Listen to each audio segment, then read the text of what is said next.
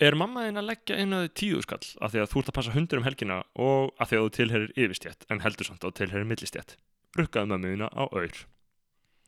Er pappiðin að leggja inn á þig 50.000 kall upp úr þurru af því að mamma en pappi skildu þegar var skrakki og hann er ennþá svona með svona óljós samviskupið af því að hann lagði meiri áherslu á eigin starfsferir en þitt uppeldi. Uh, Látt hann skuttlaði þessu inn á þig með auður.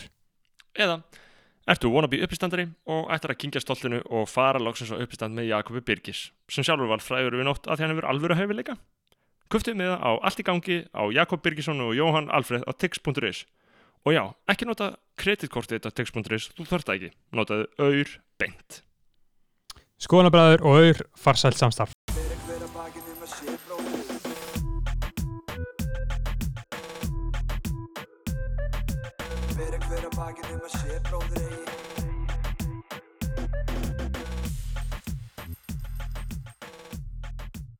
Verið velkomin. Skoðanabræður snúnir aftur á... Erum velkomin þann 14. februar 2020 í Skoðanabræður fremsta hlaðvarp Íslendinga með Snorramásinni og Berþurumásinni sem eru bræður Einmitt. Komnir inn í eiru landsmanna. eins og svo oftar áður, ég held að þetta sé átt í 2003 þátturinn okkar síðast Ei, vá, 23 maður. það er uh, mikið vatn til sjávar og fleiri hundru þúsundur búin að hlusta á Eh, Vá maður, og, þannig að þetta er, uh, þetta er Jordan þátturinn okkar. 23. Já, uh, þú getur sagt það ef að, ef að þú Mhm. vildir orða það þannig uh, með vísan til uh, íþróttamenningar, við erum alþýðlegi menn og uh, Einmitt. erum ekki að tala hérna úr fílabensturni heldur er þetta að koma uh, þetta er í rauninni uh, hvað getur maður sagt, lárétt samtal við fólki, ekki lóðrétt, við erum ekki að tala niður, við erum ekki að tala upp, við erum að tala við Við hlustendur, einmitt. Uh, þannig að, já, hvernig við byrja? Hvað sér gott, ég er hérna í fucking Berlín, ég er að uh, ég er hérna eins og sérði í myndiltökunni að opna Münchner Já. bíja það er Þú ert að fá þér smá, hvað maður að segja, þunglindis djús, uh, skeggolju. þúglitið stjós þannig að fucking á Já. skeggið maður uh, ég er sérst, það er 50 dagur og ég var í síðasta tímanum minn í morgun í skólanum þannig að ég er komin í tveggja mánuða frí og ég gæti ekki annað en að fagna því með skoðanabræðra bjór sko, og, og skoðanabræðra með Já, ok, veit þið, hvað er þetta? Lítars flaska, síns mér. Nei, nei, nei, þetta er bara hálfslítið flaska sko, maður kaupir þetta á efri hérna út í búð uh, í maturverslunum uh, eða bara í shoppu, þú veist, ég get bókstæðlega ekki labba bara nokkur Já. skref frá húsinu mínu hvena sem er á sólarhinnum og get keft um bjór á einu efru ég þetta er ekki gott fyrir maður sko, í rauninni en Mér ég get ekki það löglegt, sko. En hvernig er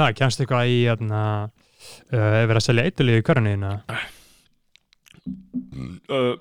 Já, ég meina það er örugglega skýtlegt að að hérna uh, fucking kaupa dópina, skilur Ef þú myndir vilja að fá þetta góða góða, þá væri ekki, uh, Já, ef ég myndi vilja fá skunk hérna, þá er það bara neyri görli uh, maður er enga stund neyri görli en þú veist, það er örugglega ekkert eitthvað gæða skunkur í görli þetta er bara görli skunkurinn, en þetta er skunkur, skilur Görlitse Park, sérst, það var ég að vísa Görlitse Park sem er hérna í Kröðsberg, það er svona frægur dópsala Einmitt. garður. Var ekki að lappa þangað í myrkri, þá- er manni sagt, en er það ekki bara einhver mýta ég trú ekki neinu svona? Jú, ég meni, ég, er- ég líti ekkert á þetta fólk sem ókn við mig, það er ekkert að fara að Já, basic dæmi sko uh, og náttúrulega nóga lífi í Berlín og það sem ég segi alltaf er að dópsalarnir eru ekki vandamálið, það er augljóslega eftirspurnin eftir, eftir dópnu. Ég meina, dópsalar væri hvergi ef það væri ekki fokkin mikil eftirspurnin eftir dópi. Fólk tala alltaf um að dó, dópsalar séu bara eitthvað svona sjálfstæð eining sem, sem opererar í einhverju tómarúmi. Nei, það er bara önnun við eftirspurninu. algjörlega. um, þannig að það er fokkin ógeðslegt, hvít fokkin viðbjóðslegt, forreitnda ógeðslegt löggu sjálfstæði sinna Aha, fokkin aha. fólk. Er að fokkin tala Já. dópsala. Þá er þetta fokkin þvenglöðunga þetta fólk. Fokkin uh, löggu, þetta er svo mikið löggu orða. Veist, það, það, að, við tökum alltaf svo mikið marka bara hvernig löggan talar um hlutina. Já, mikið dópsala því að við fórum á beittum nokkra ofbeldi inn í hverfum. Löggan, uh, dagbók lögreglu, fórum á beittum ofbeldi í nafni Mhm. ríkisins. Þú veist, talandi um ofbeldi löggunar uh, uh, þarna sorry, bara smá útútur á hann og höldum áfram uh, það, það var fucking, þarna, fucking uh, ég var að lesa mm. frétta í þegar það var kynveri, það er kynveri á Íslandi núna sem heitir, um, uh, hvað heitir hann aftur eitthvað YC, eitthvað svona uh, einhver kongur Klinkmaðurinn. sem klinkmaðurinn, sástu Ég fréttina? sá það en ég las hann það ekki. Hann heitir Mhm. Whaley hann, sest, hann með hann er bara að inn Mhm. mm. nokkuð sinnum með hundrakalla nú er hann með sko uh, 1,6 miljón króna í hundrakallum uh, bara feit feitan bunga klingi og hann fær ekki að skipta henni þar. Sæðlabankin segir bara eitthvað nei. Arjónbanki segir bara eitthvað nei. Uh, og bara eitthvað, hann fór inn í Arjónbanka og var að setja þetta í einhverja vél í algjöru Mhm. sakleysi sinu og Arjónbanki bara fucking hringdi á löggun á hann. Og löggan kom bara. Og mér finnst bíddu, löggan og bankan út af hverju? Þetta er bara maður með klingi póka að trappa út bara maður með Já. klingi póka, sækja pókan og sækja alveg peninga fyrir þetta dæmi sem hann Mhm. hefur gert það áður og þau bara eitthvað gáðing ástæð fyrir því? Og bara nei. Við erum bara banki, við erum bara ógæslistofnun og við ætlum bara að hringja á laurugluna, ógæsleiri stofnun og við ætlum að láta færa því hérna út að einhver ástæð, að þið fyrst kynverið með kling hvað er fokkinu að ykkur? er, er það bara 100% Ge- mál, þú veist, það er þetta mál. Hann, bara, hann er bara með kling sem er bara peningur. Já, bara viðkendur peningur af íslenska ríkinu. sem hann fekk frá klink Af því að klink braskarar klink, klink braskarinn hefði fengið það frá svona bíla sláturunastöð og það er alltaf mikið klink í bílum þannig að þeir sapna saman klinkinu og selja íslenska klinkið og hann, og hann fær það frá klink braskaranum í Kína og dýllinn þeir að nei, Já, ha, bara bara, bara út um allt bara Já. íslensk klink sem Já. endar þar og hann fær það og hjá klinkbraskarunum gegn því að ef hann næri að skipta því Mhm. Já. á Íslandi þá þarf klinkbraskarinn að fá eitthvað einhvern hluta því, Mhm. einhvern sangeta hluta skilur. þannig að hann kemur bara og ætlar að koma á pókan og sækja póka og svo notar hann alltaf bara peningi til að ferðast um Ísland sem hún finnst fallast á landi heim þetta er bara einhver alvöru harkari. Og Arjón Banki bara nei mátt ekki nota vélun okkar sem er til þess ætluð að skipta helga klingi í. Af því að En- náði að, að kassi út einhver 400 400 skall því líkur king. Já, og þeir vildi ekki gefa hann peningu fyrir innegna nótuna sinni Arjón banki sagt. Þeir voru bara svíkin uh, að við förum aðeins yfir hérna, uh, íslenska bankaumhverfið þá hérna, getum við verið sammála um það að Arjón banki er ógeðslegasti bankin, eða ekki? Eða Íslensk banki, er Jú Arjón það ekki Arjón banki? Arjón banki er, þú veist, þetta er púra viðskipta banki, púra viðskipta hagsmunir uh, uh, ekkit ríkisreikið og þeir, þú veist, réðu þannig að Benedikt Gaurin inn greinlega til að minka bankan bara Já, verulega, já. skilu, þannig að arð Nei, eigendunni getur þetta út arðin, bara, þeir eru að reyna bara að gera þetta pjúra uh, automatist, þess að með vélum.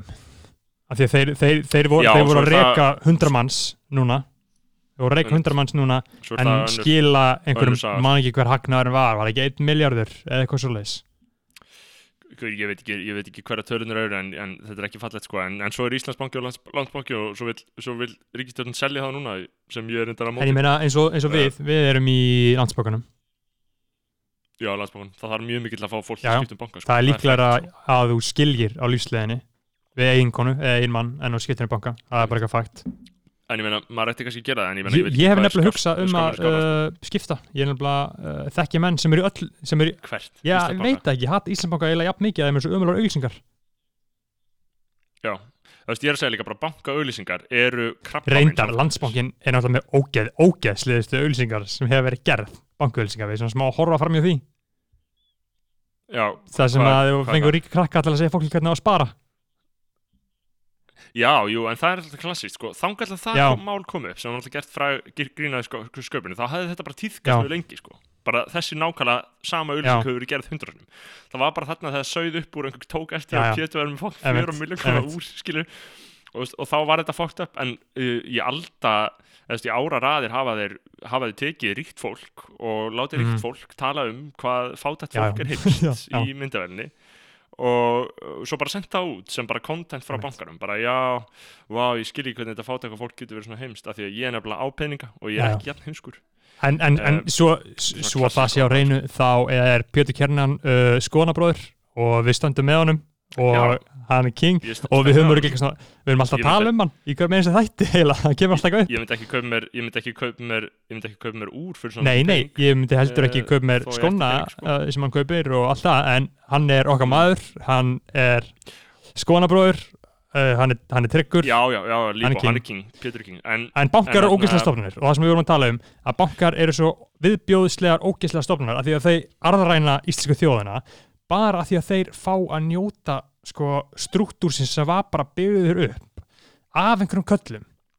Þeir bara fá að njóta Mm. að, hei, að, kalla, að heimurinn virki svona. Þannig bankarnir fá að, ennþá að Já. okkur það lána er svona viljið þess svona allavega að það sé ríkisreiki Já, ábeldi skilur ég sammála, að, að, að blóðpeningarnir renni ég til vil ekki, að því að ég vil ekki að einhver fokking Arjónabanka naggur sé að kaupa sér einhver, einhver, einhverja einhver skútu. beint komin út úr fokkin lögfræði úr HR eða viðskiptafræði úr HR í fokkin blárri fokkin eða skirtu fokkin mjótt lítið shit sem að geti fokkin krumpa saman í höggi sem byrjar að, eða kannski ekki að því að hann er búin að vera í gymminu skilja eða whatever. Og, og kemur og fokkin byrjar að arra Já, fólk skilja í fokkin blárri lítið já, fokkin já, en við skulum, við, við skulum hafa það á hreinu. á, og hann að rífa þessa fokkin bláu skirtu á hann og fokkin kaffar honum í henni skilja áður áður við höldum áfram það skulle hafa það á hreinu að þú ert ekki að fara að krumpa neinum saman í einu höggi eins og sagði þú hefur aldrei krumpa einum nýja neinum saman í einu höggi á æfiðinni þú hefur ekki svona kilt gæti mann það þannig að við 100% ef ég skulum ekki vera með einhverjar sko, persónulegar hótanir um líkalegt ofbeldi hérna í skólanabræðum við stöndum ekki við það. En auðvitað mætti taka þessar ljósblá skýrtur þessar Ralph Lauren skýrtur, þessar arðaræninga skýrtur og rífa þær í tvent út af því rífa þér tvent og Brenna þær í magan á, á en já já, það á bankar eiga sér að vera ríkisagnir Já, ég meina, gaur, þetta skilja, sko, ég meina, ég held að þeim bara landsbankin skili 10 miljardar, miljardum, þú veist, þetta er svona ábeldspeningar sem þeir fá að þeir beita Mhm. ábeldi, lána ábeldi, taka þann pening og þann, hann fer inn í ríkiskassan. Það er 10 miljardar, í ríkiskassan, skilur, sem getur farið í skólakjörðu Mhm. eða whatever. Uh, og, og ef við seljum það, þá bara töpum við því. Jú, við getum fengið 250 miljardar inn í ríkiskassan á því að selja bankar einu sinni, frekar að eiga hann í 30 ár og fá þetta staðfýst. uh, Bara ómikil áhætt að setja þetta í hendunar okkur fucking já já, á bara glæpmönnum arðaræningum og ógeðum sko. En við vorum að tala um þetta, löggan er ógislega stofnun, við treystum ekki löggunum, við erum á móti löggunni og hún vinnur gegn hagsmunum já já, fólks. 100% En, en hérna, löggan hún lígur og svíkur en bara almennt, skilur, Berlín, maður er bara hér, skilur, skólinn er búinn, búinn að klára þessa Já. önn, búinn að klára þessa og skiptnámsönn. ég náttúrulega, sko, ég held að Eh, hvorki ég nýja uh, skónabræðleið viti svona þegar við tölum saman svona á enga tíma okkar þá tölum við eiginlega bara um þátt skilur, uh, við erum alltaf bara að stressa okkur yfir þættinum, skilur uh, getur aðeins sagt uh, mér uh, Mm. og fjölskyld okkar sem er að hlusta og skónabræðleginu Já. uh, hvað ertu að gera? Áttu vini? Þekkjuru fólk? Uh, hve- hvernig eigður deginum? Vaknaru?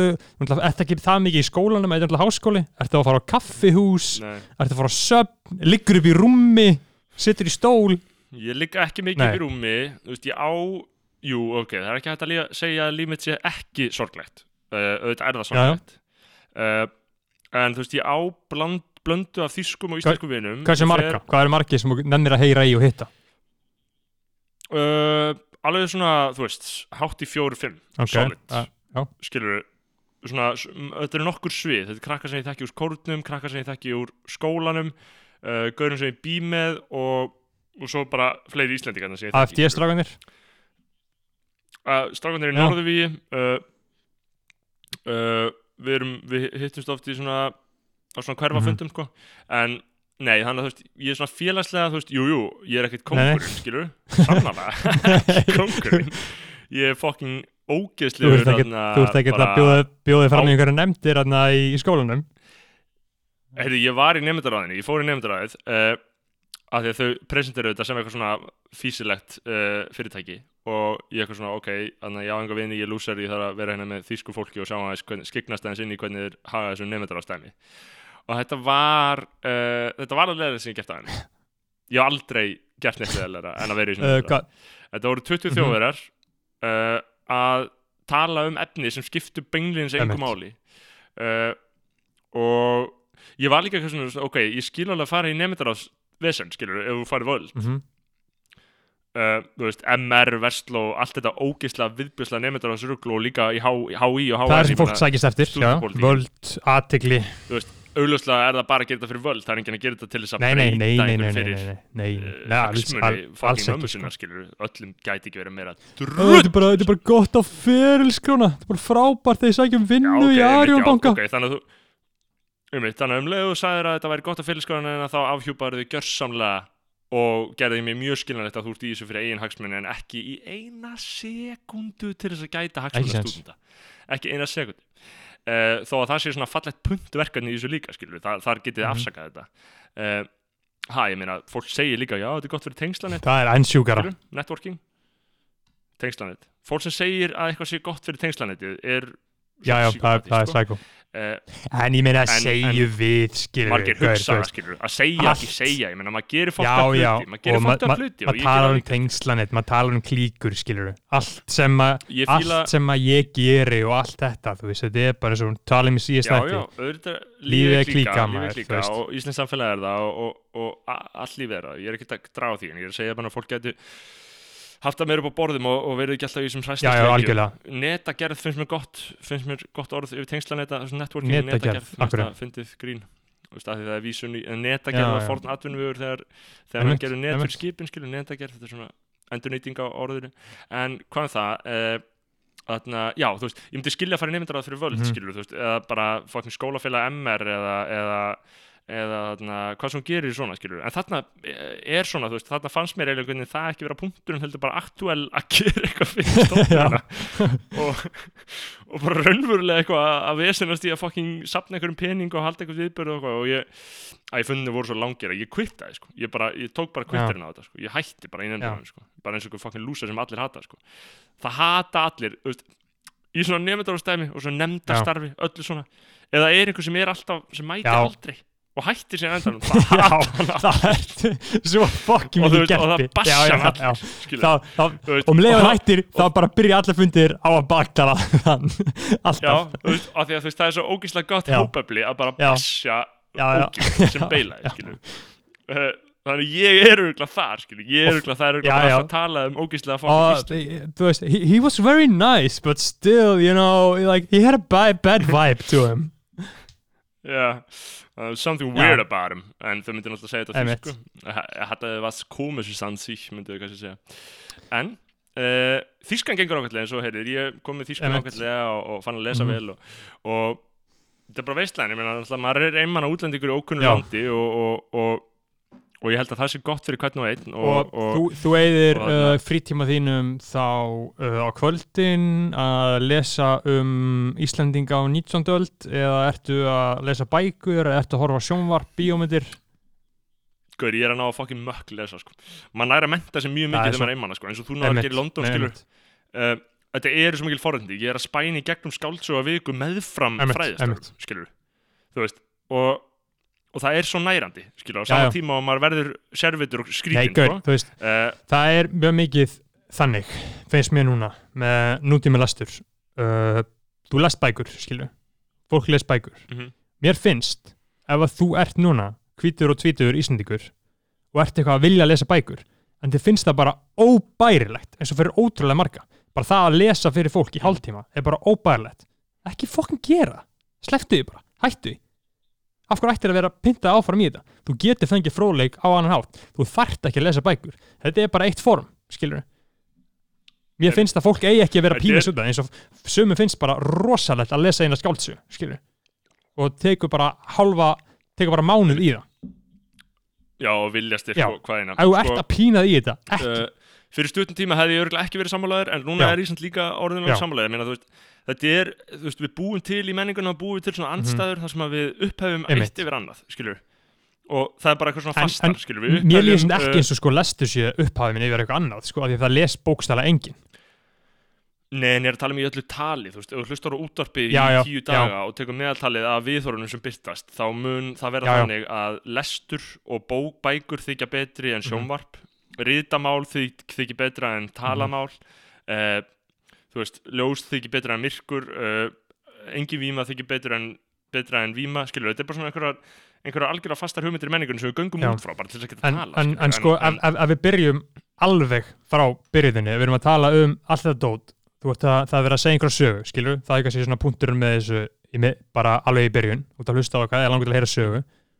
Fyrsta formið, það er að hugsa hana hugsa, hugsa Maramann, þú, þú, þú, veist, Já, einhver að hugsa þetta og síðan getur hann tala eins og við erum að gera hérna í þessu gasa podcasti og síðan er að skrifað. Mhm.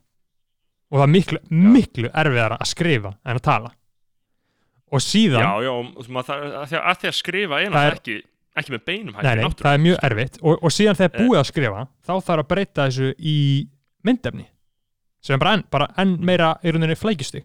Og mér finnst lestur í rauninni vera gott upp á það að gera er að það er auðveldara þannig séð að skrifa góða bók en að skrifa góða sjónvarsætti því það eru færri breytur sem að þarf að hafa í huga í flestu. Skilur hvað ég meina? Já, já, þú ert einn, þú ert einn miðlari og einn, mi- ein Já. miðstöð, skilur, það er bara einfallega, einfallega minna, uh, hvað getur maður sagt, framkvæmdastig, skilur. algjörlega Þetta er bara eins og ef þú ert með lítið fyrirtæki versus stórt Einmitt, og fyrirtæki. þess vegna, þess vegna er Eh. podcast svo mikið snilt. Það er svo fokkin gaman að framlega þetta. Að við erum bara að mæta, ég er bara ít á rekord og þetta er bara komið. Og síðan bara tölum við og síðan er þetta búið. Náttúrulega í, í alvöru podcastum skilur, eða ekki alvöru, heldur í bandariskum svona big media hlaðverpum, þar eru framleiðendur og þar eru klipparar og þar er fólk að aðstofa við þetta. Þá er þetta ekki alveg svona einfalt sko. En, það, en það er svo lítill munur á þessu. leið le, le, le mér að klára þetta, Hva, hvað er lítill munur á gæðum podcasta og gæðum bíómynda og bóka?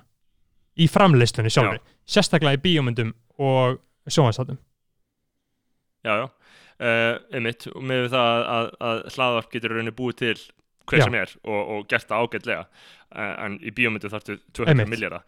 Í, ég held, ég fann að vera samfæðan það, að á þessari öll, þar sem við erum alltaf að tala um hvað dagblöðum gengur ítla og, og vennilegum og hefðbundin fjöl, fjölmunum Mhm. gengur ítla, uh, þá held ég að hljóð, hlaðvarpun séu um, eitthvað alveg, já, sko. Ég já, held við að- ég held að það séu eitthvað alvöru sem er að koma í staðin fyrir eitthvað eða, eða allan að koma meina, við sjáum bara en að fjölda sem er að hlusta Mhm. okkur Þrjú- Eh, 300 það manns er, veist nei, nei, þú veist, þau eru ekki 300.000 þau eru bara fleiri, fleiri Mhm. þúsund og, eh, 300 og, þarna, og bara fólk sem vill uh, fá efni sitt í gegnum Einmitt. þessa leið skilur, fólk lesa ekki Facebook-statusina mína skilur, ég setti eitthvað Facebook-status á hann uh, sem er bara eitthvað weird Já, shit ég er ekki búin að sjá uh, En sko, en Eh. veistu hvað þarf að gera til þess að hlaðvörpin verða almennileg? Sko, tökum sér dæmi, við erum með alla meðlana hvað er fólk tilbúið að borga fyrir? Það er allir, allir tilbúinir að borga fyrir það að horfa Netflix eða horfa á sjónvarp. Það er bara, það er allir tilbúinir fyrir það. Það er allir tilbúinir, er allir tilbúinir að borga fyrir Spotify. Þá eru farnir yfir í hljóð bara, sagt, svo ég sletti audio, þá eru bara að tala um pjúra audio. Fólk er tilbúið að borga fyrir hugleyslu app Sam Harris. Fólk er tilbúið að borga fyrir það og fólk er tilbúið að borga fyrir það til þess að fá að hlusta á hljóðið sem er inn í því. En fólk er ekki tilbúið að borga fyrir það að hlusta á podcast út af því að podcast eru of tengt útvarpinu sem er í rauninni miðill sem hefur alltaf verið ókipis og hefur alltaf verið fjármagnaður með auglýsingum. Það snýst um hvernig maður elur upp neytendur sko. og út af því, það þarf auðvitað bara en það er hægt að upp nýja neytendur já já, algjörlega, algjörlega. En, en eins og ég er að tala um, það er núna verið að vinni því að því podcastin eru að verða í rauninni stór business í bandaríkunum og út um allt. Og það sést Mm. mjög skýrt í tónlistabransanum þá er þessum þrjú sem er kallað major label, það er í bandaríkunum sem eiga þau þrjú saman, þau eiga 90% af allri tónlist í heiminum. Og þetta er Sony og þetta er Universal og þetta er Warner. Og þau eiga miljón önnur lítil fyrirtæki sem plötu útgáfa fyrirtæki. Og öll þessi stórfyrirtæki Sony, Universal og Warner eru búin að fjárfesta í podcast framleiðslu fyrirtækjum. Af því að það sem að plötufyrirtækin eru að sjá núna herru, það er allir með heyrnatól en það er ekki allir að hlusta tónlist lengur. Og þú spyrir hvert sem er, nútíma Íslending. Hvert sem er, einu sinni þú varst með heyrnatól nýr, varstu alltaf að hlusta tónlist. Núna er það bara 50-50 hvort þess að þú hlusta á podcast eða á tónlist. Og plötufyrirtækin sjá nákvæmlega þetta vera að gerast.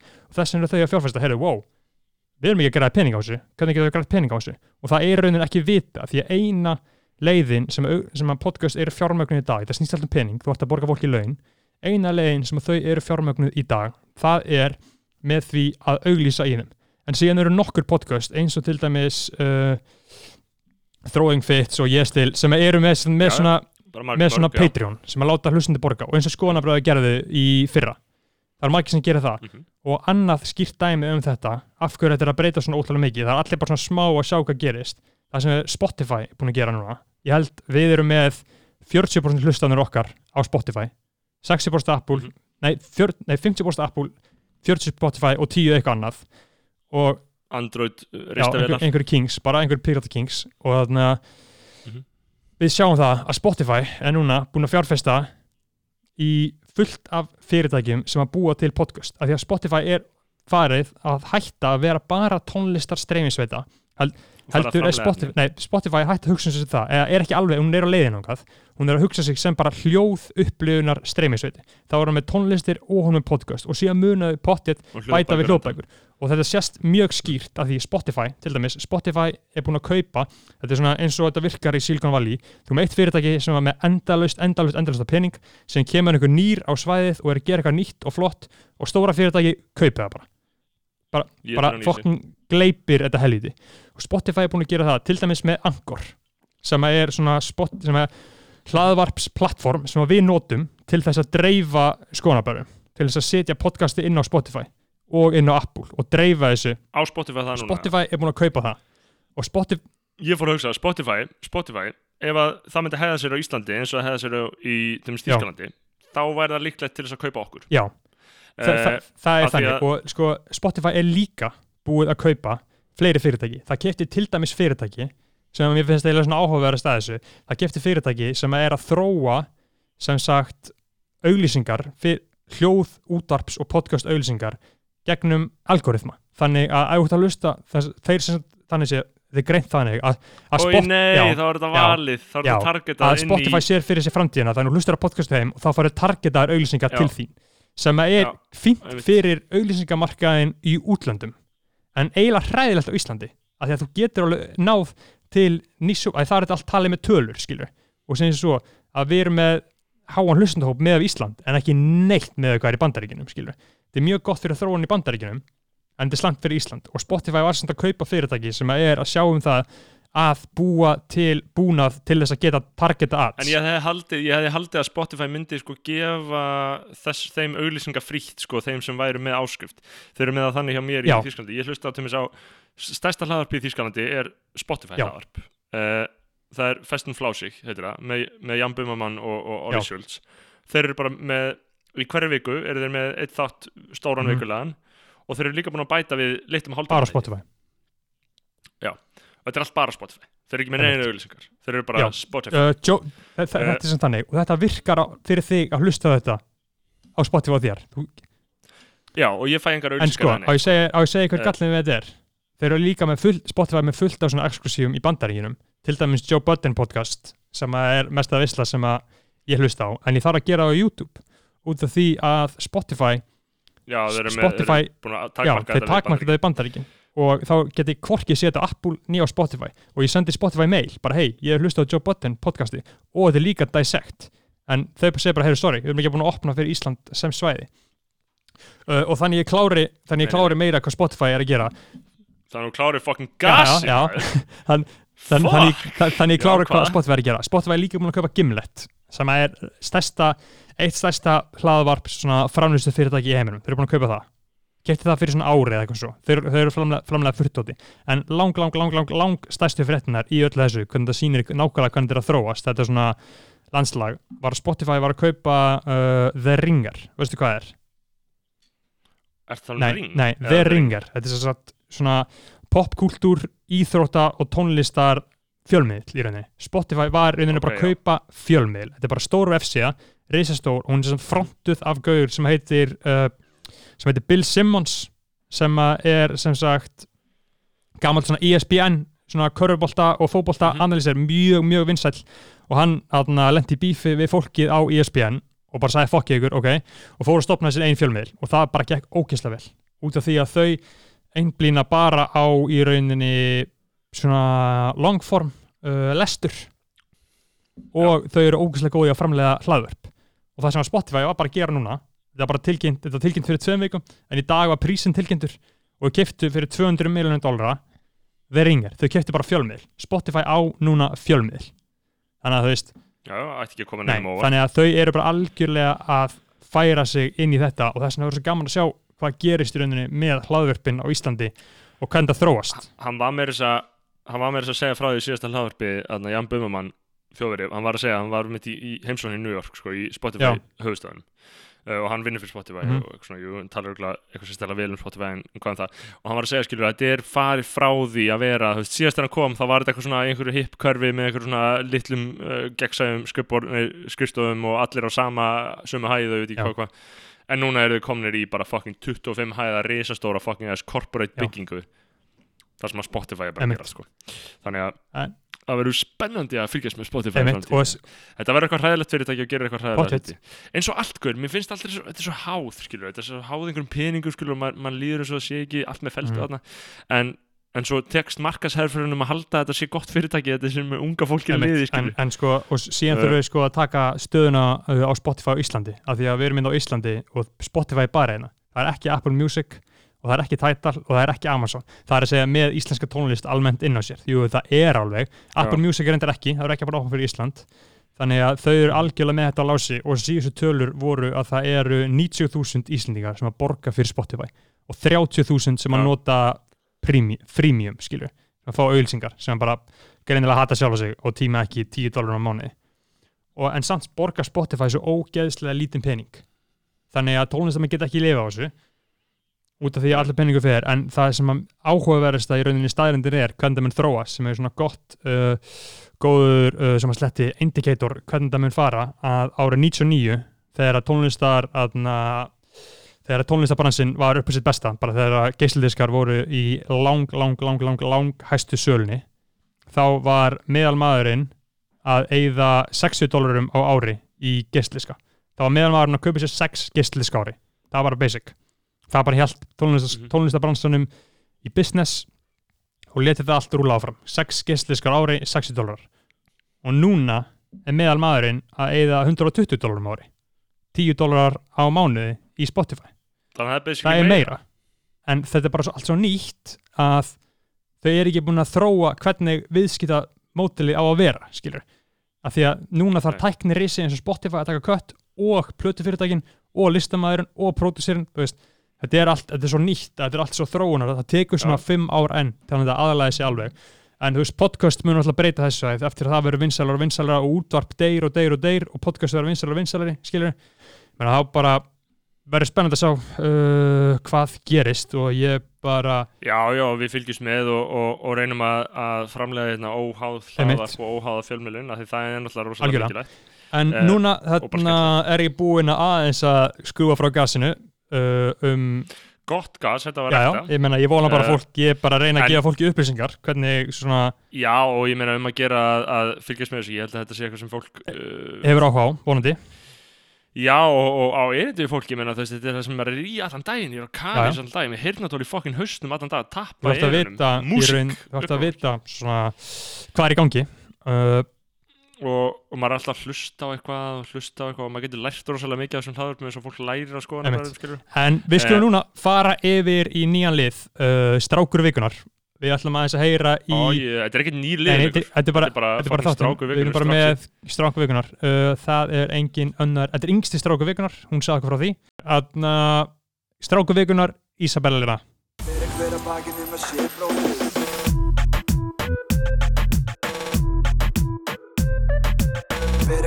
bakið um að sé bróðir eigi.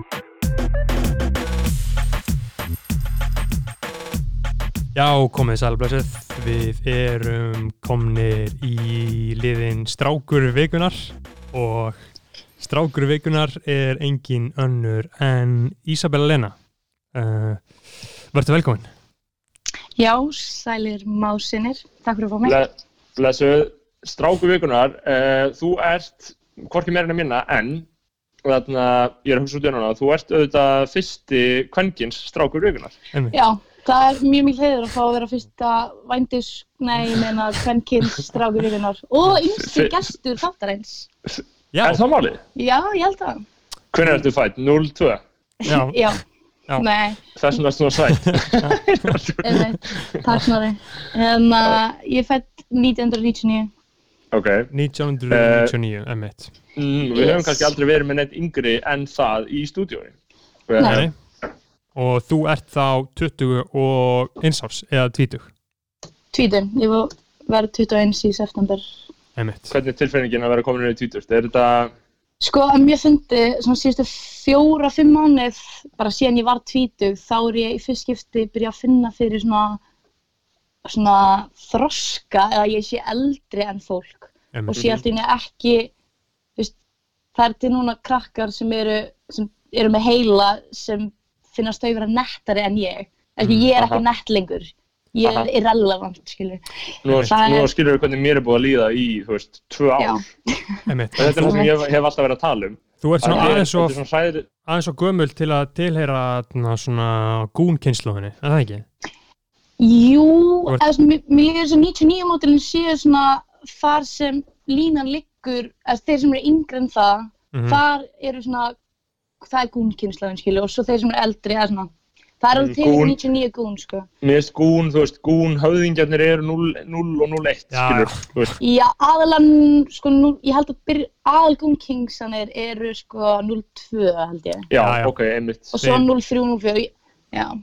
En þú veist, eins og til minnst núna, ef einhver kynna að spyrja sig um að akkur erum við Ísabellu liðinu í Vitali, uh, auðvitað bara því að við tölum við fólki í landinu. Einmitt. Ísabella er, hún er sálfræðinemi, um, var í MH, bjóð í Östubænum, uh, úr, úr þessu þarna, gamla miðbæjar hverfi skilur og, og þekki leikinn, búin að vera í leiknum. Mhm. Um, og síðan er líka, uh, einmitt þetta, við höfum ætlað og það hefur verið að stefnu sko skóna bara að komast í samband við gún.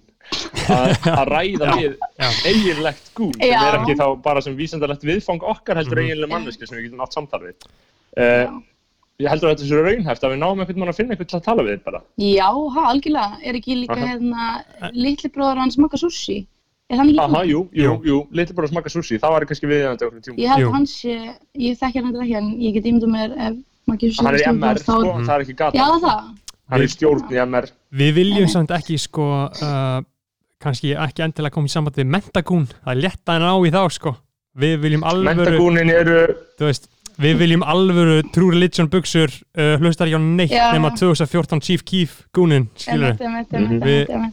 við, þeir eru kannski aðeins uh, sjálfgjafari sko mentagúnanir, Já, það er- vilja þú getur koma, fundið sko. þá í öllum mentaskólum held ég. já, Já, þetta er allt til, sko. En Ísabella, um, unga aldri, þó sett unga aldri, 99 fætt, þá um, hefur þú farið víða, uh, bjóst síðast í Kaupmannhöfn. já, ég læri sálfræði og hérna, e, já, ég var, ég var að koma heim úr skiptina á mig. Frá ok. Þannig að þú, Ákast að nýta hennan kost sem er að fara í skiptunám í eina eða tvær annir Háskóla Íslands Já. sem margir eru ekki að gera sem ég myndist mjög óskiljanlegt Já. sérstaklega þegar þeir eru í fögum sem hafa ekki merkingu eins og Einmitt. eins og, eins og viðskiptafræði. ég sjálf, Já. já. Ég var, mitt, hérna, ég var að tala um þetta við samnefnda minn í gær að við getum ekkert útskýrst hvað við erum að læra. Við Mm. vitum ekki sjálf hvað svona hver, kjarn, skil, hver er kjarnin í náminu okkar? Af því að við erum ekki að læra um beint einhver sálfræðileg fyrirbæri eða svona, þessi, jú, við lærum bara einhverja kenningar og hvað þetta, einhverja skilgrinningar og svona, en það er ekkert að ég veit ekki, þetta er algjör svona skvísu fræði en það er mikið að skvísum í náminu mínu. Skvísur Og- náminu, sálfræði, við erum að tala um sálfræði. Þetta er Já. auðvitað ein vinsælsta námskurinn í háskóla. Já, þetta er kent bæði í HR og HÍ já, eh, þarna sem er skítið, ég veit ekki alveg hver eru áherslu munurinn á, á þessu tönnu þarna á þessum ólíku stöðum veistu eitthvað um það? Ég veit, Ég ég hef ekki hugmynd sko sko ég held að í HR væri þetta BA-gráða en svo er ég komist aðeins um daginn að þetta er líka BS-gráða þannig ég Já. skil ekki alveg fólk sem fer í HR Og að borgar. þetta er, já, borgar allan pening fyrir sama námi en svo hef ég líka heyrt, þú veist, ég var, hef talað við einhverjar stelpur sem eru í HR og þær töluðu um að þær voru svo hrættar við fyrstu önna eða við síðuna og þess vegna fannst þeim þægilega að fara í HR Mhm. sem ég, já, það er ekki alveg já, já, það er sko, til þess að mála þess mynd af til þess að mála þess mynd af, af sálfræðinámi í, í háskólum í, Íslandi en þá er þetta að þetta varð þróaðist einhvern veginn í, þú veist, þetta er svona nummer eitt námið sem þú færði í þú veist ekki alveg veist Já. ekki alveg hvað það er Og það er nákvæmlega Eh. sem ég gerði, ég lít bara á þetta sem einhvers konar grunn fyrir, þetta er bara auka nám. BA-próf, nei, þetta er bara auka stúdenspróf þú veist, þetta er bara raunin framlíking og stúdensprófi án þess að, þetta er veist. framhald af framhaldsskóla. Ég er bara búin að lifa, ég er ennþá mentaskóla píka, ég er búin að lifa þeim lífstíl semstu tvö árin. já, Hvað þá þessi skiptinámsferð, það sem ég var bara, þetta var eins og fimmana djamferð eða Mhm. útskriftaferð Akkurat, við Það hérna, förum að segja það. Uh, af hverju uh, kaupmannahöfn? Frekar en allar svona borgir, Evrópu, Sko- Bandaríkjanan Bandaríkin, Asía kaupmannahöfn svona auðvöldasta lausnin eða hvað? Já, ég hefði viljað velja eitthvað annað þegar ég lítið tilbaka en ég hugsaði samt að það væri fínt að aðeins að reyða upp dönskuna því ég kann hana þess, ég bjóði Danmark yfir yngri það er fínt að fá hana svona Já. einhvern veginn, ná henni og svo ég veit ekki, ég var að hugsa að ég myndi fá gista hjá frengum minna eitthvað og reyna að spara eitthvað pening sem Mhm. gekk svo ekki, eða sem fór ekki alveg þannig heldur fyrir Eh, að íbúð með einhverjum íslendingum Og, hva- og hvernig lendir þú, eða svona hvernig var lendingin hann? Þú, eins og segir, þú fórst að lega íbúð með Íslendingum en um, er, uh, va- varstu bara í föstunni í svona einhverjum svona Íslendinga gettói innan Kaupmannhafnar Alls ekki, ég að- samskipti við Dani? ég reyndi að forðast alla Íslendinga í köpun sko. svo Mm ég veit ekki, ekki tilgerðalegt en samt alveg frekar tilgerðalegt að fara til köpun og svo hanga bara með Íslendingum og vera í einhverju svona Íslendinga vinahópum þar sem þau svona kynnist ekkert út fyrir það. Og þetta eru En, líka eh, Íslendingar sem myndir ekki hanga með á Íslandi en þú þart að hanga með Í- þeir eru í köpun Já, þú hefur ekki úr Já. miklu að velja æ, já, ég fór þarna með stelpu sem ég er búin að þekkja í einhver tíma og við byggum saman og hún var ekki í skóla þannig að Hún var ekki í skóla, hún var að leita sér vinnu. Hvernig gekk henni að leita vinnu? Þannig, hún var djúpt í trappinu á meðan þú bara varst í skóla Já, hún var harkalega í trappinu og ég veit að mér, ég fylgist já. með því og hún var að leita sér Mm. vinnu og hún fór, hún endaði á að vinna, þú veist, ánast að, ég sé eitthvað að, að gaggrina eitt en eitt, mér finnst það svo áhugað. Hún endaði á að vinna bókstala verstu vinnu í heim. Hvað, hvað, hvað, vinnu? Hún var sendlir úr. hvað sagður? Hún Var, sendlast á hjóli. nei, Hún var sendlir úr. já, sem byrjaði hún líka að vinna á bar sem Já, ég veit ekki hvort hún hafi verið að lengi, skilju. En ég hugsaði bara, skilju, ok, þú ferð til kaumarafnar og þú endar á að vinna sem sendlir úr. já, Uh, en Sko, en mér- ég, mér finnst það bara gott og þetta er veistla, ég þessi já. æfintur og ég, mynd- maður myndi gera þetta sjálfur en maður vantar að fokkin vinnu, skilju. mér, mér finnst það svo frá, frábært konsept Og pluss, þetta er auðvitað frekar holdt að vinna við þetta. Já, sko. ha, hún var að hjóla bara 40-50 kílómetrar á Já. dag, pæli í því. Sem þetta sendir úr, þetta eru þrælar Einmitt. sko. Já, þetta, þetta, þetta er svo gott svona krísu svona uh, byrjunar uh, á að vera 20 ára krísa að flytja til köpun og fara að vinna sko. Ég, ég, ég ætla að gera þetta á tímabili sko. man, Þú ætlar að flytja sko, ég og Kári vorum bara, næstu ég bara kon með vinnu og laundromat í Kaupanahöfn og vorum bara að flytja út bara því lífið var Já. óbærilegt á Íslandi og maður þurfti að Mhm. sleppa eins fljótt um að mögulega og þá bara, já, fórum til Kaupin að vinna og bara þróum með okkur Ah, sko. og, og förum til Kristjaníu bara eðlegjum líf okkar það var svona Þannig voru þið ekki, voru þið ekki að shotgunna fokkin viskiflöskur að núti? Um, ég ætla ekki að segja nei. Voru það að drekka mikið.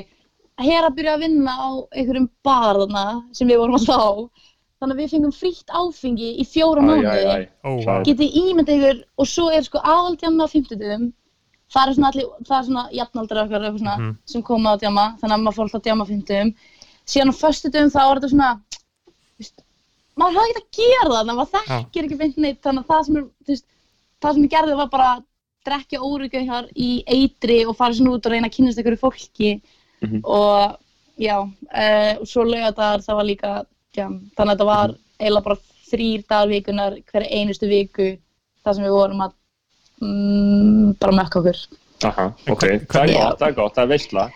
En þetta er svona líka bara samþýtt í Danmörku, Danir eru sjúkir alkar. Þetta meira en Íslendingar ert að grínast, það er bara á hverjum einasta degi eða eftir hvert einasta verkefni eða það var eitthvað sem svona, einhverjum áfanga var lokið, þá bara sjöbjórar, bara drekka bara, Guð, ég hugsa bara að- fokkin verður fólk ekki þund, eða?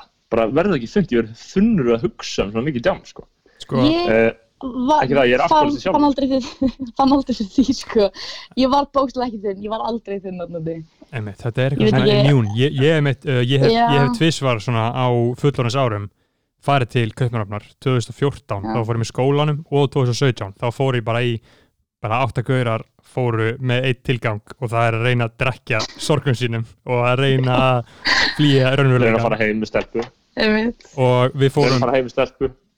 Það var nú kannski ekki Það er endilega svona helsta takmark. ekki, Ekki, í Kaupmannafn þú Nei, nei, nei, já, ok Þú ert ekki ég að halda að fara heim einhverju danskri stelpu í kaupmannar Þetta Nei, nei, ég að vera að tala um príksári mikla, sko. Nei, nei, ég, ég var að tala um Eh. uh, kaupanafnarferð uh, Páskana 2017 Þá fórum maður, Endalega er, maður var ekki þunnur. hvernig, hvernig stendst þetta samanbörð við, við Ísland? Einmitt hvað þann þátt snertir. Er menna er fólk að láta ríða svo mikið á dömuna Min, meira eða minna eða Sko, Danir eru mun minna í því heldur en Íslendingar. Íslendingar eru bara sjúkar kynverur, myndi ég segja, í sambyrðu við Danna.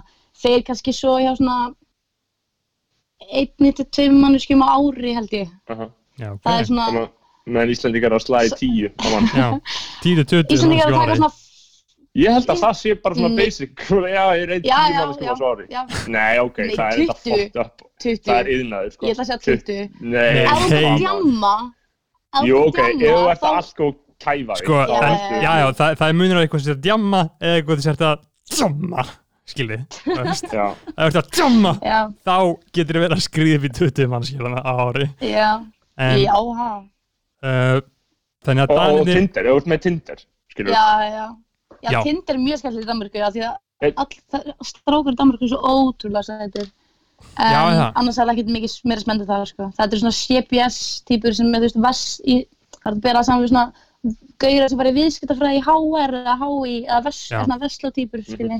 En sko, ef, ef, Það ef, er- CPS, já einmitt Er þegar- það, Rós, er það, hefur, það, hefur svo stopnin mikið presens í Kaupmannöfn? Er allir alltaf að hugsa um og gera grína að CPS? Nei, ekki gera grín af, eða, þú veist, ég veit Er þetta svona að hann nú mátt fíla rapp og verið í CPS að heimurinn er orðin hræðilegu staður?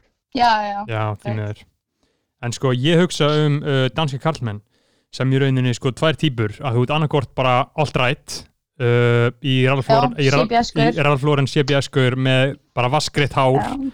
Og þú bara ferð út á ístikaði og myrðir róna um nótt skilur þú að ferð síðan heimtíðin og, og, og, og heldur, áfram líðið þitt og bara segur hjá hóru Já. á Norrebröð skilur þú að ferð síðan bara Já, í verbreyðavinnunina eða þú ert með svona skater tattoo gaurinn sem heitir Mats já, skilur þú fullt einhverjum ljótum Einmitt, tattúum og er- segir sér Mats fem, og segir sér Nikolaj. feministi en skilur þú en hata konur og er með svona brjáluð issue gagvart þeim skilur Danir eru svo ekki PC þeir eru bara, þeir hata konur. Þeir eru líka konur. eða ekki?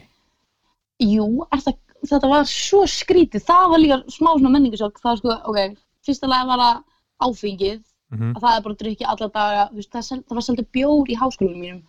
Í, þú veist, kaffeteríunni svo er það þessi non-PC-ismi sem er bara einhvern veginn allir, eða skilu, það var strákur sem við kynntum sem bara átti ekki eina vinkonu Mm. hann bara hafði aldrei talað við stelpu og ég var bara, veist, ég og vinka mín, við vorum bara eitthvað veist, það var svona gauður sem við hittum og drukkum með þessum ánum fyrir bæinn eða eitthvað svona, gerðum við, hann var að gera tattu á, á vinkunum mína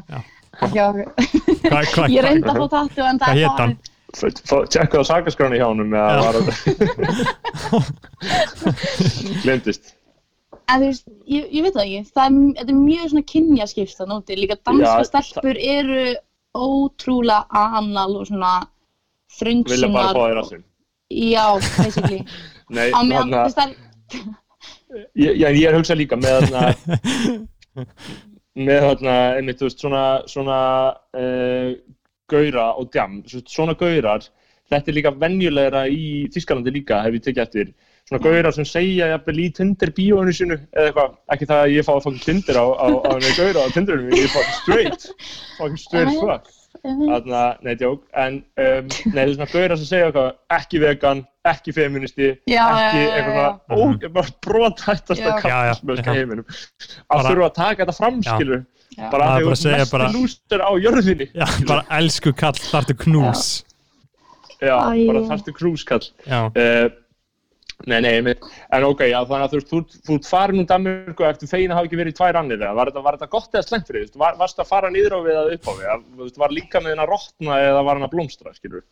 líka minn var að rotna, sko, feitt. Já. Ég hafði ekki meika aðra en í, þú veist, að ég hefði bara haldið áfram að djamma eins og ég gerði það, því að, Já, ég veit ekki, það er bara óhjákvæmilegt, en hérna, En sálin, sko sálin eftir ég hætti að drekka ég náttúrulega er segja hætti að drekka, ég er að þykjast vera að hætti að drekka ég drekka lagfengi en ég kom hérna heim í tvær vikur í byrjun jan, eða í janúar Mm. af því að há ég var að byrja svo þurfti ég að fara aftur út að klára eitthvað lokapróf.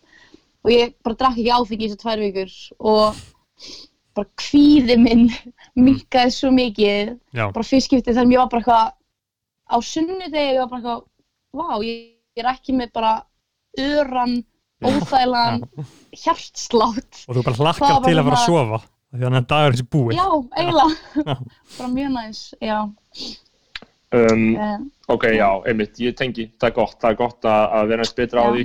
Huglega, ég mælu mig að huglega, það er gott að huglega. já, ég Eh. uh, að hlusta okkur tala um daginn Mhm. og, og þú veist, bara eins að vinna í sér. Já, ertu búin að hlusta á nýju seríuna? Hvernig finnst þið við fara að staða hérna? sko, Uh, það er að segja, hvað finnst þið jákvæmt um þetta? Því að Já, já, já. Eh, ekki fara að segja eitthvað ekki fara að gaggrina þeim í beinni sko. Uh, hvað finnst þið Ég er góð ekki, ég er ekki reyna að reyndstýra þér, ég er bara að segja hvað finnst þið jákvæmt. nei, Já. mitt, mér finnst mér finnst fyrirkomlega gott sko að fá Aha. inn strák vikunar sem er svona stutt af því oftast hafa gestir eitthvað ekkert það mikið að segja eða Einmitt. svo mikla skoðanir við þeir bara búast, þeir búist oft við og miklu af fólki já, þannig að mér finnst fínt að hafa bara svona stuttu og ég veit ekki, það er líka fínt að, oftast ef þeir eru með gesti sem er í heilan þátt það er snorri hvort sem er bara eitthvað að tala mest allan þáttinn. Já, en að uh, annars finnst mér bara mjög gaman að hlusta þetta og ég ég ætti að stofna hlaðvarpa sem er bara ég, Já. ekki með gestin. Já. Þú Bara, gerði það, en það gekk ekki, mannst ekki Já. Þú hefur gert það Það hlustið það fjóra Já, mannskipti á það pistlanir. Þegar ég minni á pislana, það verður ekki að hlusta á það, að ég þeim á netinu á þannig ég Já. ræð sjálf mig á dögum. Einmitt. Að, en Það er þarna einmitt, við uh, ný stefna skoðanabræða það er að kynna fólk fyrir uh, nýjum hlutum. Núna erum við að tala um Köpenhavn uh, Kaupanahöfn, Kongsísköpen, fyrirhandi höfuborgina uh, við kannski Einmitt. förum aðeins yfir sko mismunandi svona hverfin í Köpenhavn Einmitt, það sem þetta er svona Já. höfuborg nummer tvö sko, þetta er svona það sem að Akureyri ætti að vera sko, Já. það er reyndar einhvern ef maður lappar á Akureyri þá er eins og hans er komin á strikið. Ekki staður. Það er ekki staður. Það er ekki staður sem einhver fer á. já, Einmitt, Nei, sko- Það eina sem gerist á Akureyri sé bara, þú veist, AKX já, eða þú veist, að Birgitta Líf farið ánga árlega og stopni nýja ræktarstöð. Er ekki Pétur það núna? Það var hann ekki, já allan Hérna, já við byggum í Velby í Danmarku sem er, sko, þetta er þannig að það er Velby, svo kemur Freysberg svo kemur Vesterport, svo kemur Miðbærin og svo kemur Nörrubrú og hérna Norveg, svona ef maður hugsa um þetta svona, í svona línu, svo kemur Amaðar að þar út. Mhm. Við byggum í Velby sem er svolítið eins og búa í Garðabæ, nema það er strætókerfi þannig að það er ekkert mál, það tók bara 20 mínútur með strætó eða 20 mínútur í hjólunni í bæ. En það er svona það er ógeðislega leðilegt hverfi það er bara hvað ég, ég veit ekki, ég sá aldrei neitt fólk að samt var þetta bara svona og í hvaða kerfi, hverju farið þá að dema? Vesterport, það sem Kuðbíin er það er svona Kjöpborgin, heitir það já, en, það eru svona nokkri staðir en það er líka?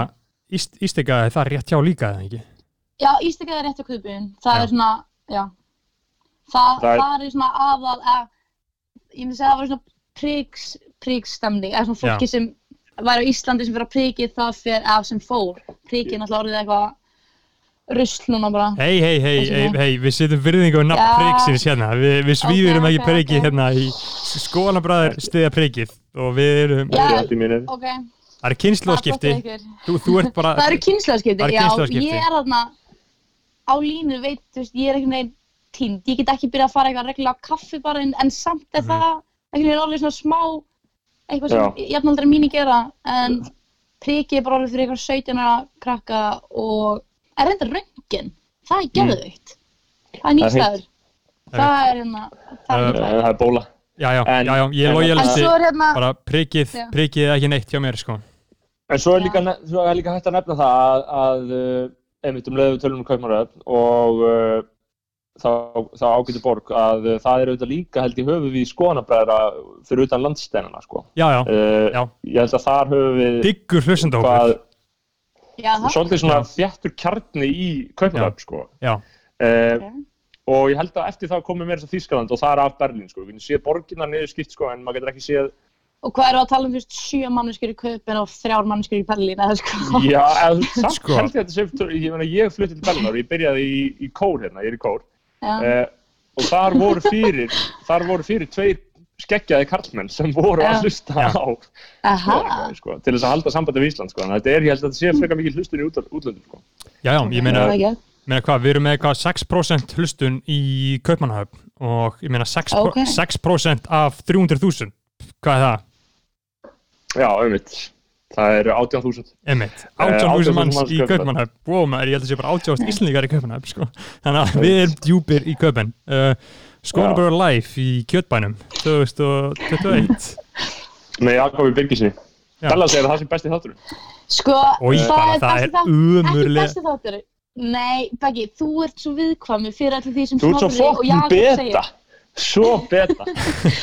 Það er, mér finnst það Þess er það sem verður sko, að sko, það er umurlega Þegar Snorri þáttur er með Jakobi þá komast þeir í eitthvað svona af því, af því þar að sem þeir þeir byrja bara já, já, út, nei, nei, nei, að út, út, segja hluti sem er bara bull já, já, út að þeir eru sko með svona, þeir voru með gamla drauma um að vera frægir saman, skilur í gamla þetta, fattur þannig að þeir bera ennþá þá orku áfram inn í það sem þeir gera, skilur.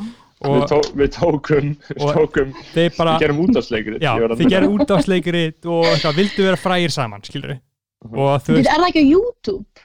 Held að þetta útásleikri sé. Ég veit ekki hvort það fucking Ég held að Jakob, hann er svo fucking mikið tussa. Ég held að hann verið eitt í YouTube þegar hann var uppistandari sko. Það verið típist hann sko. Einmitt. Já. En já. Kæfa, þetta er eins og hann segir ekki neina Hann segir ekki fokkt upp á netinu. Hann segir ekki fokkt upp á netinu. Hann segir það bara í, persónu af því að, að því að hann er svo hlættur um að einhver hakkjál Ég hitti, ég hitti Jakob í fyrst skipti sem ég fór út til Danmarku núna á sinn álegardaginn og ég heyri bara Feita lesbía mín! Feita lesbía mín! Og ég bara, hvað, ég? Og ég já, það er Jakob. Og hann bara, hann heldur áfram að kalla þetta all- all- allan tíma sem ég með hann. Eitthvað, gaman að sjá Nei. það feita lesbía. Já, veist, þetta er lýsandi Þetta, er Jakob, það. þetta er Jakob í raun og veru og svo næsta dag er hann bara eitthvað Og rofa á PC einmitt, það, það, það Hann vil ég ekki tala við mig í svona viku eftir að hann heyrið það. Hann blokkaði mig. það, er er sem ég er að segja Jak Jakob er king, sko, ekki miskilið við það sko, en Já. Snorri og Jakob eru ræðilega saman þeir eru með umulega orku Já, já, í kring þeir, eistun, þeir tveir saman. eistun þeir eru með í eistunum sko. og ég var dregin inn í það skilur á skólabræða lag fyrir framann fyrir framann skólabræða lagið 300 manns að hlusta og 50 manns að horfa skilur þetta var hræðilegt Já. og, En þannig að en já, já, þarna förum aðeins yfir þarna, uh, við vorum búin að fara yfir mér svona hverfin í köpen uh, já. Ístegaði Mhm. þú veist, það er er kjötbúðinni. hefur séð uh, bíómyndina Pusher með Mats Mikkelsen í aðaltyrki Nei, Pusher frá Bíddu. 1996 það er fucking veistlan ég horfði á hana í Kaupmannahöfn þegar að ég var að gista á Ístegaði og hún gerist öll á Ístegaði já, nei, ég hef hort á hana bara sem minn pappa minn þá lítir, ég þekki coverið á. Já. er það, er það fokkt upp staðan? Var, var svona hans njarða P. Njarðvík þar? eða? hann var á Ístegaði og Norrebro Já. Ég- það ég er svona hann. sjúkustæðin, svo sko miðbærin, það er bara svona túrista væp, það er líka óslega mikið að skemmtistöðum og það er svona B5, B5 Ok. það er svona En- í innri bíun heitir það. en, en svona djammið, hver, hver eru staðinir þú veist, það eru menn heita Jolene ennþá eða Herðu, Jolene er í kupin, það sem Já, ég var akkurat. mikið og svo er Bakken, það er líka í Auðvitað. kupin. bakka Svo er staður sem heitir Condesa sem er reyndar svona nálægt miðbænum uh, og þetta er allt bara svona gæt, sko, ástæðan fyrir ég fíla þá staði er að það er einhver svona B5 mellur eða einhverju CBS-gaurar þar Einmitt. þeir fara ekki inn á þetta territory þetta er bara svona þú veist, en, en Þau Þetta eru er- bara í fucking 13 klukkustunda bröntsum einhvers staðar. Þau eru alltaf í bröntsum fólk. En sko, en, CBS fólk, eina sem ég veit er að þau fara bara í brönts á hverjum einasta deg og fá sér Já. mimósur. og ef, ef, ef, ef við erum að tala um skilur uh, Húra Reykjavík fer á Fashion Week í Copenhagen hvert eru þau að fara á djamið, skilur hvað þau er eru að fara í innri bíun á, á B5 eða skilja á Arch og Hive og einhverju svona svona klúpa niður í miðbænum sko. í miðbænum, ok, þau það er ekkert að er þau ekkert- myndi, þau myndi ekki láta sjá sig á Bakken eða Jolene, það er ekki alveg þeirra væp sko. ok, Það er sem er í kynnsóttamar þar. Já. Já. Uh, Það eru nei, reyndar, ég, ég held að sé fleiri kynnsjúkdómar á B5 heldur en á pringinu. já, við að já ok. það að skilja. Þannig að, Megasens. Já. algjörlega, Eh, þarna við, Kynnsjóttamar gerast hjá þessu ógíslega, fucking ógíslega fólki, þessu ógíslega Instagram viðbjöði, sko. æ, snorri Eh. eftir uh, svona rosalega ljótur. Það er, ég sagði bara Instagram viðbjöði, ég tala bara um Nei, en þú veist-. Þegar þú segir ég- ógeðslega Ég er ekki fólki að tala um, ég er ekki að tala um ruslafólki, skilur Ég er ég að tala um tala um B5, bara, skilur já, já, uh, Svona snobbað við eitthvað en sko, ok, Eh, þú, þú, þú segir þá, þú ert að tala um ruslafólki, þá tala um B5 en þú ert ekki að tala um austur, að austur menn geta alveg verið að góðu vei við þar nútildags sko. þau eru ekki Ok, alveg ég er svona- Þau- held að það sé líka kynnsutnáð þar já, já, en, Ég held að sé langt flestu Nei, nei, en- Nei. en sko. sko Er einhverju kynnsutnámar yfir höfuð á Íslandi? Er þetta mikið núna? leiði mér aðeins Ég held að útskýra sé miklu meira já. Austur, skilur við, það er bara eitthvað fólk sem er bara eitthvað á Facebook og er að taka spýtt inn á klósetti, skilur við Og ríða hann á Já. menn ekki eftir myndbandinu. Jú, jú, veist það er bara eitthvað sjútsitt í gangi þar. En það er tölvöld skárra en það sem er í gangi á B5 það er fólk í Nei, símanu ég læt þú veist, En Það það, er er fólk- veistla á B5. Ég fór á B5 um jólin og ég var bara í úlpu með húfu var þar í, í tíu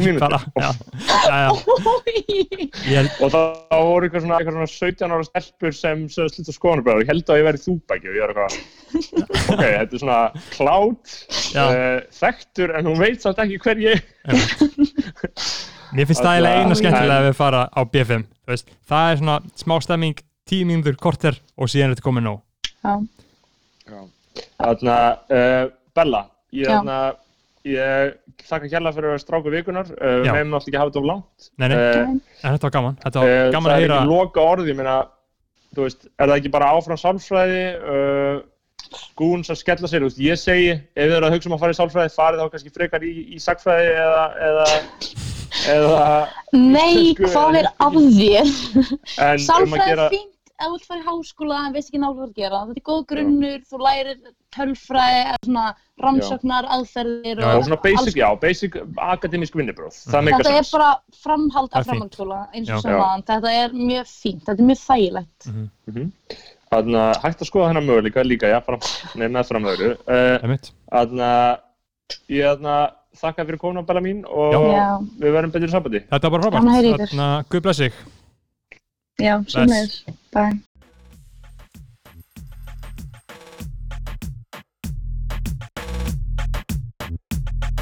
Já, við erum komnir aftur uh, eins og hlustendur ættu að vita þá er skoðanabræður í bóði auður, Svo fucking sannlega. heldur betur Uh, gaman að heyra í Ísabella Lunu, áhugavert að fucking fá aðeins.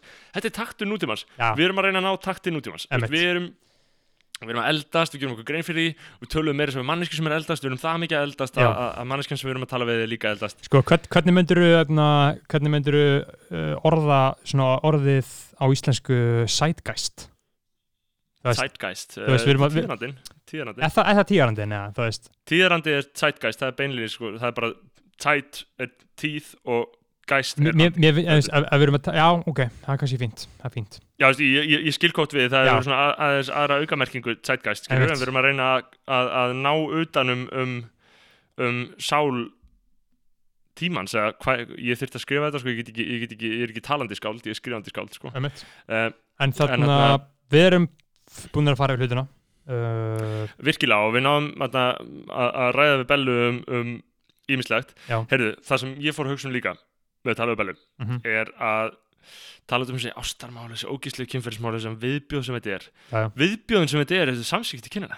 Þau eru Viðbjóðsleg hræðileg pæling. Já, já, þau eru hræðileg Viðbjóðsleg. Ég hef þessi líka, maður skilur svo vel þessa munka, skilur að vera þarna bara uh, skýrlífir Ég er náttúrulega munkur, þú veist ég, ríða bara hinum munkunum. Gæri, þessi munkar voru í human centipede rassariðingum, sko. Nei, nei, ég held að Eh. munkunir hafa bara verið bara mjög chillaði sko. Nei, þessi munkar voru, þeir voru allir að ríða hverja öðrum alveg konstant. En ég meina, ok, við erum að tala með samskipti kynina uh, Þú ert í Berlín og þú Berlín. náttúrulega lifir skýrlífi en samt ekki endilega by choice við, getum, sa- við getum orðað þannig. Já, Nei, maður er ekkert alveg skýrlífur, skilur, en þetta er ekkert, það er ekkert eitthvað geðveikt mikið um að vera og ég meina, þú ert ekki að Og, hitta kvennmenn á kvöldin ég, ég get ekki sagt að það hafi ekki átt sér stað og Jú, jú, eh, ok. En ég get heldur ekki sagt að það sé sem er ekki minni til að hafi verið mjög oft. Nei, nei, Uh, jú, jú, jú, ég, maður er ekki alveg hreitt uh, en, en það er alltaf hætt á því þegar maður fyrir svona skiptinám sko, að, að manni vaksi aftur söndumum sko. Það var náttúrulega að gera sér mig, Eh, ég er náttúrulega væri í London og bara varð uh, asexual hann á tímabili. Já, þú snertir ekki svo mikið sem kvenlega líka ég snerti ekki ekki kvenlegt hold þetta er rosalega algengt sko að, Mhm. að menn sem sko jafnvel hafi ágæ, ágæ, ágætan leik á Íslandi skilur Já. þó hann sé ekki eitthvað til fyrirmyndar og þó hann sé sorglegur eins og allir að leikir en mér leikurum Þá- minn, leikurum minn 2015-16 uh, var bara miðal þeirra bestu sem menn tala um já, er þetta að tala um á Íslandi? á Íslandi, já, já, já, 2015-2016 þú veist, það góðu leikur í gangi það var bara mjög Og- gott game í gangi sko. Og, og, og, og bara menn að leggjast á kvennmenn, hæra og vinstri uh, ég veit alltaf ekki nota þetta orðbrakt kannski. Uh, við höfum líka talað um að við ætlum að hætta nota orðið kvenn fólk og kvennmenn já, já, En- en, við, þú veist til. en nei, ég meina og, svo fer maður út og það er eitthvað sem gerist það verður eitthvað svona einhver umbóðsmissir Mhm. maður, maður, maður svona einhvern veginn fótar sig ekki í nýju umhverfi. Og ég held ekki. að þetta felist ég held að þetta felist að mörguleiti í tungumálinu. Ég held, ég er Ég að náttúrulega sé- sko, uh, út í London. Ég er náttúrulega bjóð þar uh, næst í svona, svona tvö ár cirka. Og ég gerði það einu sinni að ég sem sagt fór á stefnmót uh, gegn Tinder. Í alveg já, ég gerði það, bara fórst, já, ég gerði það og hérna, og þú varst bara að renna blind í sjóun þetta var útlensk kona, eða hvað? Já, hún var frá ég held að hann hafi verið frá Suðu Kóru aha, en, ok, og, og, Hafi verið hérna í hafði hún skóla. yfirbræð þess eða, nei, nei, nei, með minnum bara að hún hafi sagt með það sko. Uh, hérna, uh, og ég sem gerði það, fór á einhvern pizzastað og síðan á einhvern bjórstað með þessum kvennmanni og var á mínum aldri. Þessari konu, já. hann hafi ekki verið svona 21, 22 eða eitthvað. Aha. uh, sálfræðinemi gera einhverjar ógíslega leðilega stuttmyndir. Bara, ég man sko, án og heldur áfram, ég man þegar við vorum að þegar við vorum að tala um þú veist, að það er svo leðilt þegar maður kallar svo fólk það er svona, svona ógísleg, svona kallaleg fjarlæði að segja alltaf hvern fólk skilur Já. í stæðan fyrir að segja bara stelpur að konur. Mm uh, ég man ekkert um því að ég var alltaf að skrifa rítgerðir og amma var að færa yfir þær og ég var alltaf að se- se- segja að einhver kona væri hvern persóna Einmitt. hún sagði hættu að kalla hana hvern persónu, hún er bara kona. En já allana, það er bókmyndafræðileg spurning. Akkurat. Hún var sálfræðinemi, þið fóruð á bjórhús og pizzahús. Já, pizzahús og bjórhús, uh, þetta var svona þegar ég og sambílismæður minn á þessum tíma uh, Ragnar Mikil, uppásmæðurskeksins bara Mikil King. Hérna, við vorum svona að reyna að ákveðum að taka okkur á í þessum málum og við vorum svona saman í þessu sko. Uh, sem sagt bara, bara downloadum Tinder, skilur og Já. vorum bara, þú veist, bara eðlegi menn, bara kar karlar í krabbinu, skilur ok, og hvernig var á fokkin stefnumótinu? Hvað Uh, hva töluðum sko, ég mann það voða lítið sko, en þú veist, ég veit að uh, maður eins og ég sem getur gasað, skilur ég á ekki erfæðleikum með að halda upp í samræðinu neitt, skilur ef ég er með einhverjum einhvernum sem kann ekki að tala þá get ég bara haldið áfram blærinu, þú veist, ég þarf ekki að stressa mig á því, en samt er alltaf smá kvíði uh, fyrir hvort að maður geti haldið upp í samræðum, eða ekki. Þannig að ég man ekki hvað töluðum um, en ég man að ég fór uh, frekar létt með það. Og þetta gekk vel, nefnum bara hún var ekki skemmtileg, skilur hún var bara Nei. að gera þú veist, hún var að gera sjö mínúnda stuttmyndir skilur hver nenn er að horfa á svoleiði shit skilur, akkur ættir einu svona að fokkin búa þetta til? Emitt, emitt það var, ef við skulum ekki alveg fara að svífir það kvikmynda að gera fólk svona, skilur, nei, nei, Svona er fólk. svona lofsverð viðlitni en algjörlega. En, En- hún, var, var þetta að gera þetta. Og, þú veist við bara einhvern og veginn, hvernig fór, varstu, varstu að taka spassan á hana og kissa hana við kistumst, ég manni því. Uh, ok, og hv- hvernig þróaðist það, var það og, þannig að hún þú og, og, nei, ég man ekki hvernig það var, en man að var á götu hotni þetta var á, uh, þeir sem þetta ekki til London þetta var á Broadway Market uh, í austur London í sko PC hipstera gentrifying mekku Evrópu sko. Mhm. og þetta var hotni þar uh, við fórum eitthvað í sleik þar. Það var, þú veist, ég man frekar óljóst eftir þessu sko. Uh, voru þið búin að setja mikið af bjórum í líkamann eða? nei, bara tvo eða þrjá sko og, hræðilegt magn. og þarna, það gerist og hún vildi sem sagt að ég myndi koma heim til hennar. Að það var eitthvað party sem að sem sagt, her, my roommate is throwing a party skilur og vildi sem það myndi koma með henni í party sem að fólki sem að býða með henni var að halda heim hjá henni. Og ég neitaði. Og hvernig neytaður ég bara sagðist, man ekki hvað ég sagði en ég sagðist að vakna snemma daginn eftir út af einhver, Einmitt, ég man, klassískt. ég man ekki hvað ég gerði. Og ég sem sagt neitaði því og síðan ghostaði hana. Bara pjúra ghost. Ég bara fór Kasper bara draugur. Bara wúúú sagði þér ekki neitt, Nei. sagði þér ekki bara fokka nei, þér ég bara veit ekki hvað var en ég ákvað bara að gera þetta. Og hún sendi mér held ég þrísar eða fjóru sinum Æ, æ. hún hefði greinlega bara fílað þetta fannst þetta bara snilda kvöld bara með einhverjum Ok. andlega veikum Íslending. þetta, er ekki, þetta er ekki góð hryllingssaga, skilur nei, nei, nei, en þetta er bara mjög góð og hverstagsleg saga skilur, að hafa gert þetta Já, já, og, ég hef hérna- aldrei gert þetta. Nei, nei, og, ég, ég fer á Tinder hérna og ég svæpa bara allæri gerir bara allæri og fara því möts og fara engin möts jú, en bara ljóta gælur.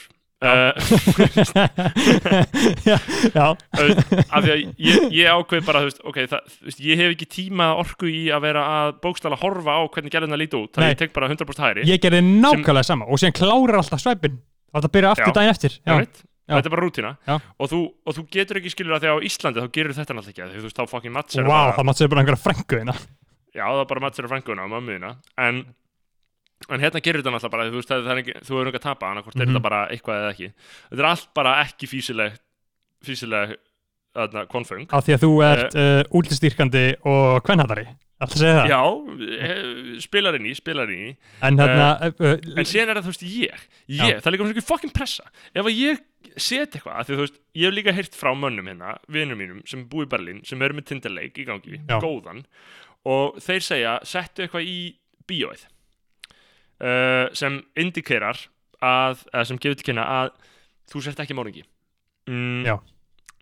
Konur þurfa þá festu, skilur þegar Mhm. þeir eru á Tinder og þeir sjá skilur þig, þá þarftu helst að skrifa eitthvað sem er mitt gefið til kynna og setja ekki morðingi, skilur já, já, já, veist, bara eitthvað fyndið eitthvað eh, hnittið, eitthvað svona kaltæðið og ég er með eitthvað svona uh, Icelander uh, íslenski fána emoji journalist Já. uh, Ói þú veist hvað ég gera? Þetta er svo erfitt.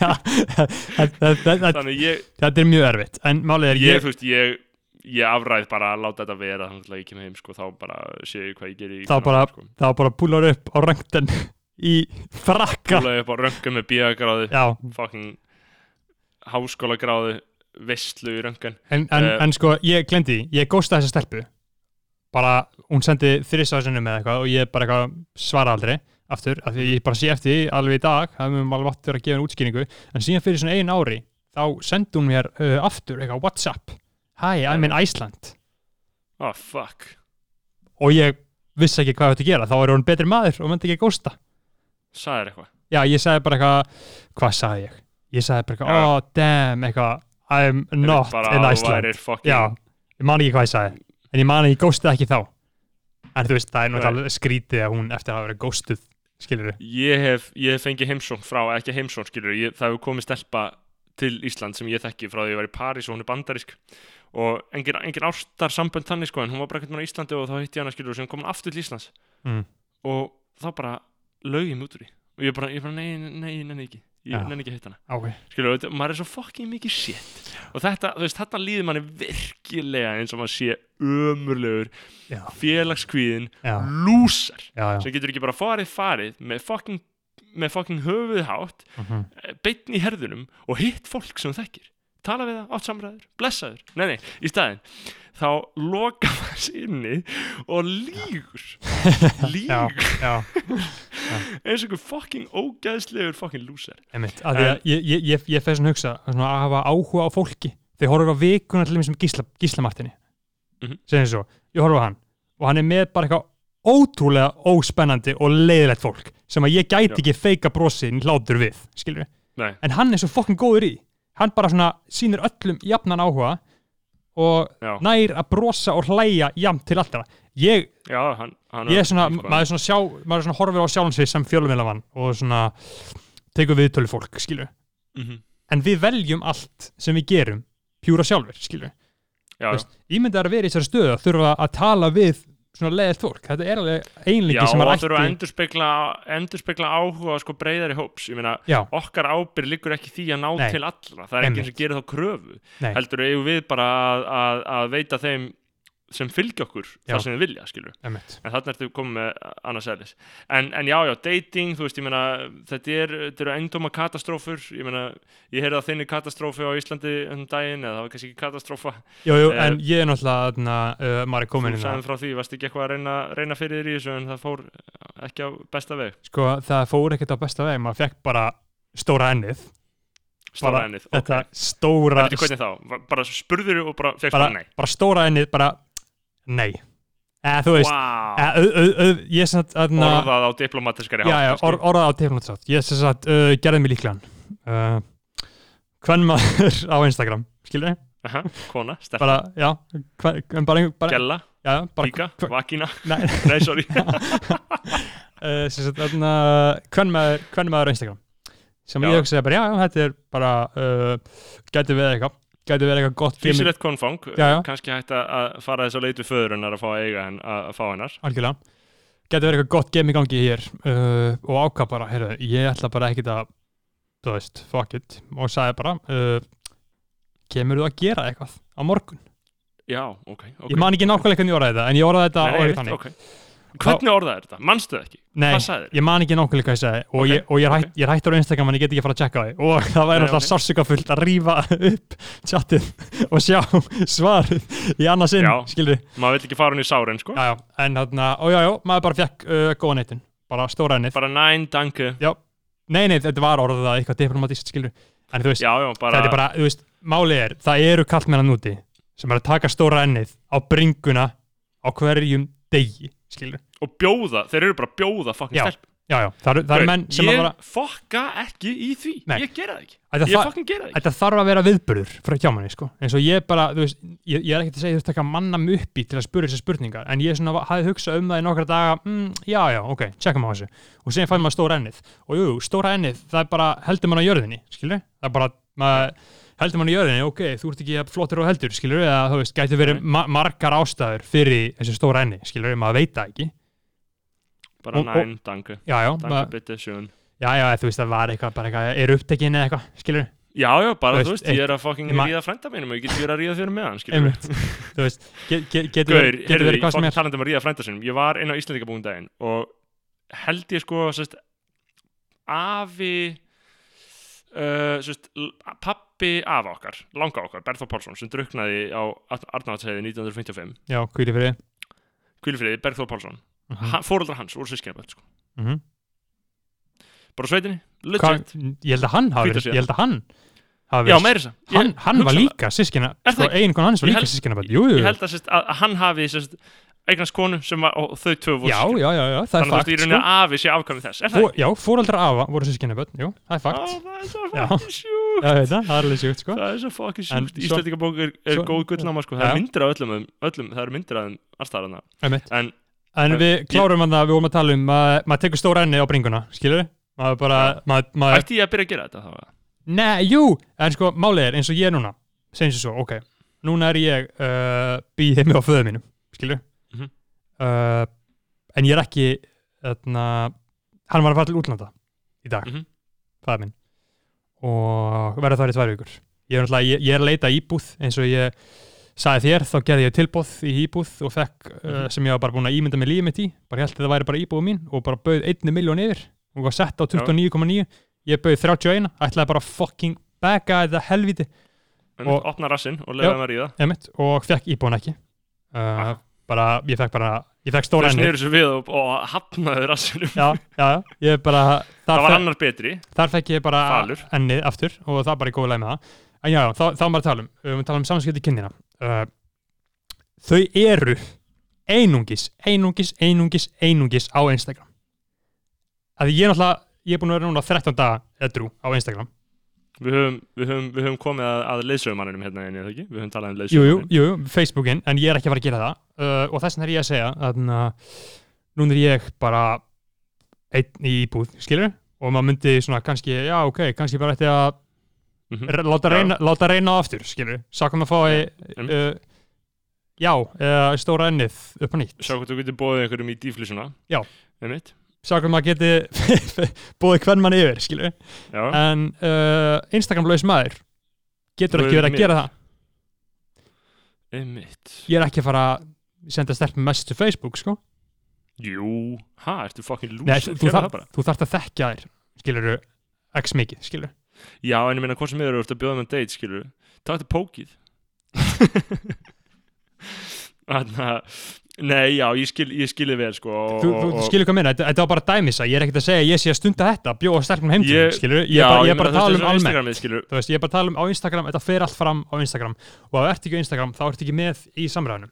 Ég var gramma ég var, búin að vera fucking þunglitur í tóta Þú veist, bara svona alvöru bara, oh my god, hvað er að gera lífið mitt, akkur er ég í Mhm. Berlín, akkur er ég á Íslandi, akkur ætti ég að vera íslenskur, akkur ætti ég að vera til, akkur ætti ég að vinna það sem ég geri, akkur ætti ég að læra það sem ég geri, akkur ætti ég að þekka fólk sem ég geri, akkur er ég að gera það sem ég geri, akkur er ég svona tómur einan, af hverju lífum svona illa, óskiljanlegt, mér leið bara svona í tóta. Uh, og síðan kom bara eitthvað, veist, bara eitthvað um daginn, ég man ekki hvernig þetta var, eitthvað, ég veit ekki hvort það kannski var bara að gera, búið að gerast ef við hlustuðum á, nú tók tók kom síðast það en það kom allt í hennu bara follow á graminu. Bara frá solid. Ó, það er, það er æðislegt, já. og ég var bara, Já. ok. Já, já, já, já, ég, það er bókstæðlega allt í lægi í lífinu. Já, já, já, já, og þú veist, það er bara, það er ekkert vandamál. Og það er bara sólinn fyrir að skína aftur sko. einmitt, einmitt, bara, ég fekk samþyggi, veist, ég fekk að skríða aftur í kjölduna á mömmu minni, skilur þetta er bara fröytísk þörf, skilur Mm. fyrir samþyggi, að maður sé eftir sóknar verður þessi staðfesting, skilur og, og ég er búinn að vera bara góður síðan þetta gerðist af því ég veit ég fekk staðfestingu á því að ég sé allt í lagi skilur um, ég er ekkert að vara, að, endilega fylgja þess eftir Nei, ólíklega. Nei, nei, það eru svona 3,5% líkur á að ég á ég komið til með að, að eiga, eiga einhvers konar symbiósu við, við viðkomandi sko. Um, En ég, ég, ég, ég skil hvað meinar, maður hefur lent í þessu að, na, að svona hluti gera óþægilega mikið fyrir mann. Já, þetta er svona, maður er, maður fattar þetta er svona áminning, um leiðu þetta er áminning um að maður sé allir læg, þá er þetta áminning um að maður sé auðvitað, sko, hégóminn holdi klættur, sko, Auðvitað. þú veist eh, og, og sé í rauninni ekkert annað en bara eh, einhver uh, þannig fígura, sko, en ég meina, ég veit ekki hvort þessi að fara að finna eitthvað finna einhverjar, eh, einhverjar, einhverjar ástöru líf mér hérna í Þýskaldi maður sé til hvernig það því vindur fram ég meina það var alltaf að fara að gerast í skólum gaur, þú veist, háskólar eru svo fucking leðilegir ætlaðu þú að fara í háskóla bráðum, þetta er svo fucking leðilegt ég mæli svo yeah. með þessu Ég, svoleiðis kannski í háskóla. 2000 2021 fer ég í masterinn. Já, maður skoða það. Ég skoða hvort ég fari einhvern mann í master en, en þegar ég klára þetta þá tek ég pásu. Þetta er það leðilegt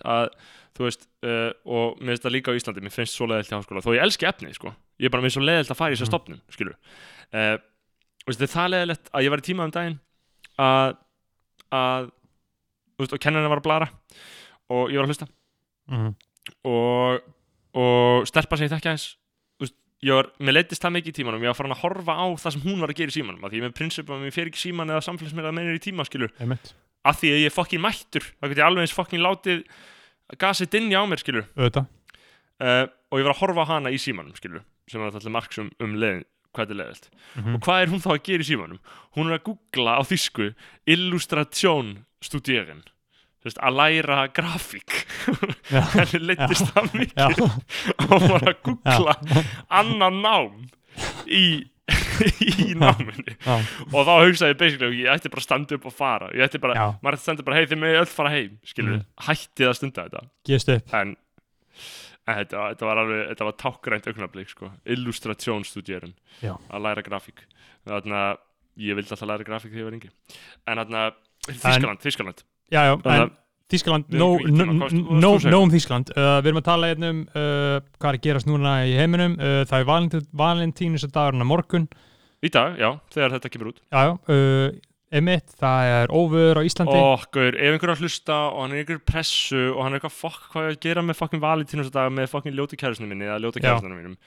Uh, þá veit ég ekki alveg hvað ég að segja. Ykkur bara fokk ykkur, þetta er ræðilegt Já, fólk er ekkert að að halda upp á þetta á Íslandi. Þetta er alveg rosalega, er, ég held að sé pressa á Nei. mörgum bara eitthvað að gera eitthvað. Nei, vá, ef ég var með kæristu og væri pressa að gera eitthvað á valentínsund þá var, ætti maður að forða sér sko. Já, þá ætti bara að hætta þessu núna já, já, það er kannski ráðið sem ég vil Já. gefa ef það er pressa og finnir ykkur fyrir ykkur já. svona óheilbreyðri kvíðatilfinningu í Já. sambandi við valentinsdagum að þú þurfur að uppfylla einhverja, einhverjar óskir sem uh, makinn þinn er búin að gera sér um þennan dag Emitt þá þarftu í dag að enda sambandið Já, er ekki þarna uh, klassísk tweet frá þarna Jakobi Bryggis að það þurfti Já. einhverja mannesku til þess að hvað, bara fara upp að Já. milli þunglindum fólks pörum og og, láta það. hætta saman og upp saman. núna, rauninni. já, já, Þarna, bara sambands uppleysari uh, þetta ætti að vera bara svona ríkisstopnun einhvers konar. Einmitt, að stöðva uh, óhamingisum sambönd sem eru svona kortir í andlega ofbeldi sambönd, skilur þið Já, nei, nei, og eru það bara og, og fólk sem er að kúra, sko. Þetta er kúrfólkið, sko, sem er Já, að já. kúra sem bara, sem bara eyðir mörgum mörgum, mörgum mánuðum saman inn í einhverju herbergi Inn í einhverju rúmi hætti að vera þar. Hætti að vera í herbygginu Já. uh, Farið út úr herbygginu, farið í stofuna Nefn að búið hjá fóröldum viðkomandi Þá megið eiginlega bara fokk ykkur. Þá er það bara mjög slemri stöðu. Farið þá bæði í skiptinám í Summiborg Og verið fokkin þunglinda umma saman Skiptinám Ó, Gauður, þeir eru í vonleysi stöðu sko. En valentínsdagurinn, jú, jú, þetta er kannski ekki dagur til þess að fagna því að maður sé með eitthvað svona ágætna félag sem maður getur haldið í nokkur ára enn og, og, og kannski það ekkert lítið sverði jú, jú, það er bara það er bara svo sem alveg við, við Já, já. dæmi sko Það er bara góð visla sko. uh, við erum bara eitthvað tveir einhleipir þunglindir menn sko. Skelvilegt og ég held að þetta sé bara ástand sem er landlægt ég, meina, ég held að það séu bara illa einhleipir á því og, það er bara og- mjög erfitt að finna veist, það sem er ég meina heimurinn er bara búin að leysast upp. Þú veist, uh, það er ekki hjónaband lengur þessar stopnar eru skilur mm, og, og maður á ekkert eitthvað svona eina ástin lífin lengur og maður er bara með einhverju fólki í sjö ár og eitthvað bat sem verður fjórar á meðan á því stendur og svo skil, skilur maður. Úf, og hvað svo skilur ef að þú veist ef að ég á einhverja eina ást í lífinu skilur mm. þá er hún örugglega bara ekki ennþá fætt eitthvað. Þarna nei þá þarna þá veit ég ekki þú veist þá En já, sko, það, hitt við, hana, sko. það væri mjög gaman sko að na, uh, næsta hætti að við tölum við einhvern svona sérfræðing í þessum málum. Að ég held að fólk vilja mjög mikið hlusta á einhver svona, svona kynferðislega brenglað og um einhver ástamál og, einhver- eitthvað svona.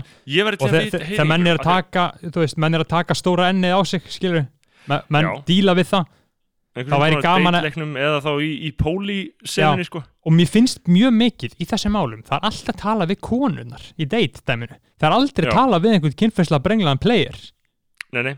það væri áhugavert að finna Það- player sko. það og mann áhuga- sem er að fara á date sko. Já, það, það væri mjög áhugavert að finna þannig gaur sko, sem er alltaf bara að fara með, það er náttúrulega kannski erfitt í Reykjavík en það væri mjög áhugavert sko, að sjá bara hvernig menn taka stóra ennin skilur, þú veist, ég teki eitt annað stórt enn á mig uh, á æðu minni.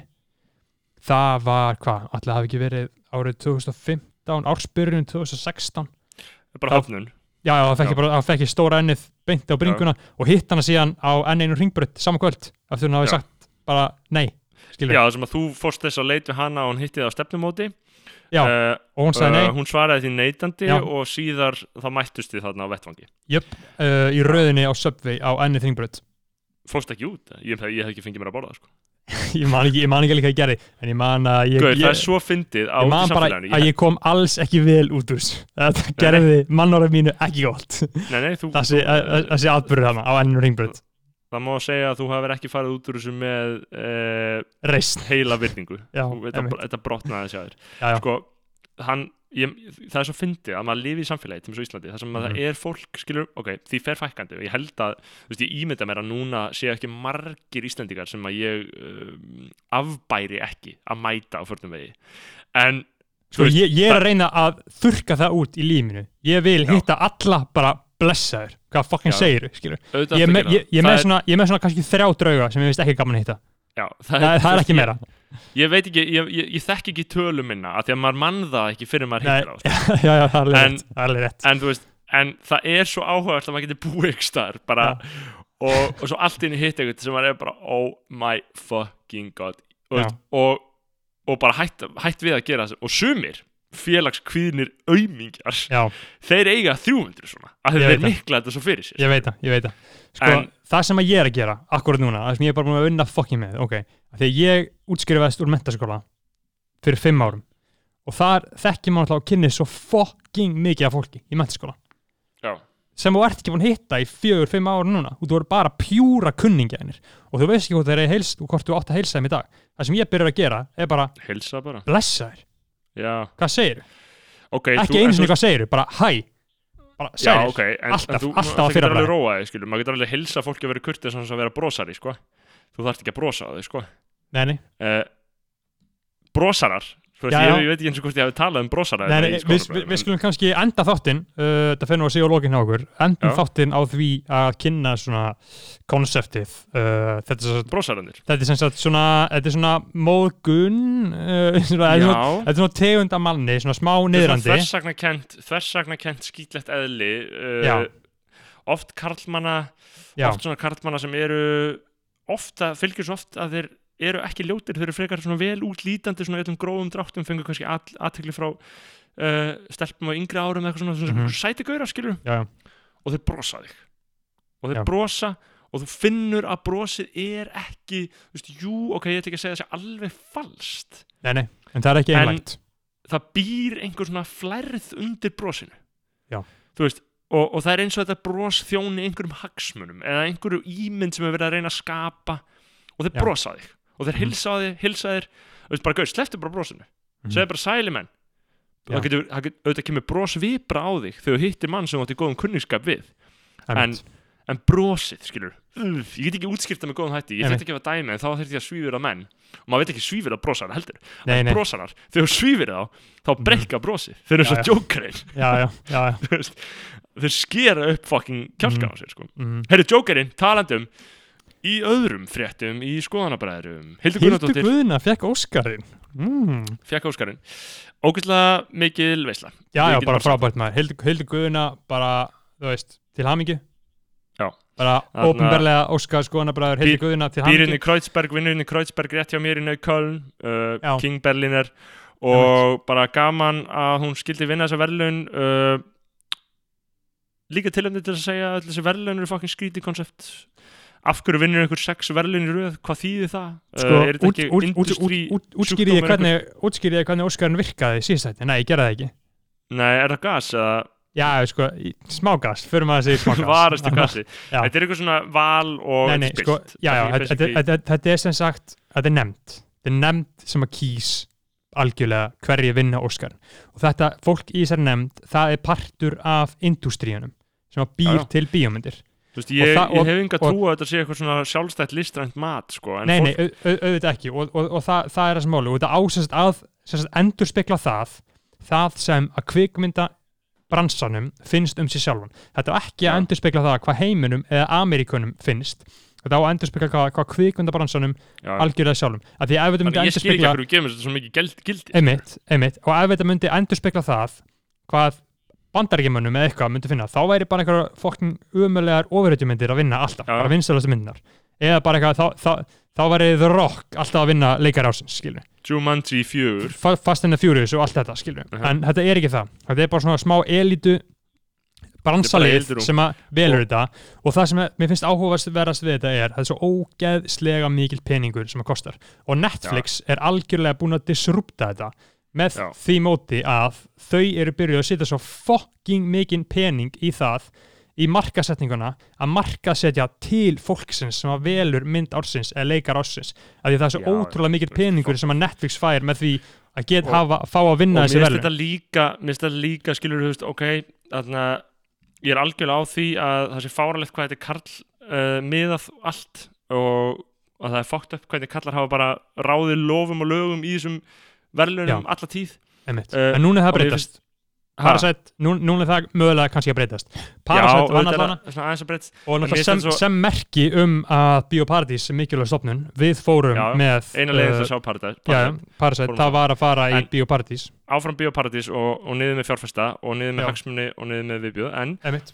ég er að segja án þess að, að, gera lítið úr því að það, það er merkilegt að kona fá þessu verðlun þá er þetta samt einhvern veginn svona þú veist um, uh, eitthvað, já þetta eru hræðileg kerfisverðlun sem eru samt alltaf karlmiðuð og þau eru svona að gefa konum ein og ein verðlun sem eru svona einhver svona málamiðlun akkur ekki bara hafna verðlunum sem konsept af því þau eru gömul bara hluti af einhverjum gömlum tíma í stæðan fyrir að vera mjög ána með að konur fá að sníkja einhverja milsnur í verðlunum skilur já, já, en veist, veist þetta er svo það, mikið verið að beina aðtiklinni frá alvöru vandamálinu sko. en þetta Eh. eru samt, þessi verðlun hafa aðeins meiri vikt en til dæmis Grammys, skilur Já, en, Grammys það er öllum drullu saman um það hver vinnum Grammy Mm. í dag, skilur Lil Nas X er að vinna þetta með fullir Já. vinningu fyrir honum, skilur þá já, er hann, karakterin gerir rusla tónlist, skilur Bara industry já, drullar, skilur bara planta en herru, Þarna- uh, ætlum að segja þetta gott í dag Mhm. þarna Ég góð var einmitt áttur einmitt að, að þóla það að það er eitthvað svona, eitthvað vinnu minn er að reyna að ringja í mig skilur á Facebook eða eitthvað meðan við erum í gangi í þessu símtali. einmitt, þess vegna er alltaf Og- að pása þér einmitt, stundum En þegar það er eitthvað svona vesenast þá pyrra maður sér svo fucking mikið á því þegar einhver er að gera eitthvað við maður og maður byrjar að hata manneskinu að því hún er að gera. Já, það er góðlega en þetta var góð áttur, kannski einn okkar Góð bestu, þáttur.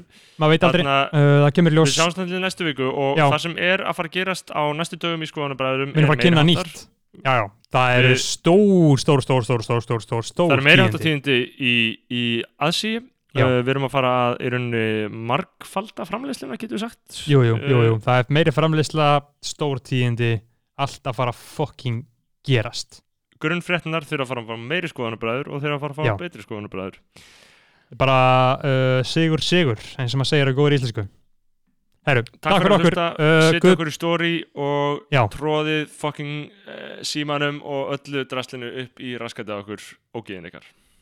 uh, ég tek ekki undir þetta uh, Guð bless ykkur, assalamu alaikum uh, gangið í góðum frið My name is Cupid Valentino, the modern day Cupid, and I just want to say one thing. Happy Valentine's Day.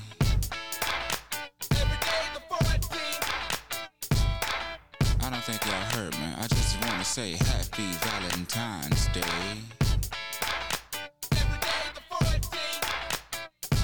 Can y'all dig that? Now, when arrows don't penetrate, see. Ah, yeah. Now, now look at here. He shoots straight for your heart.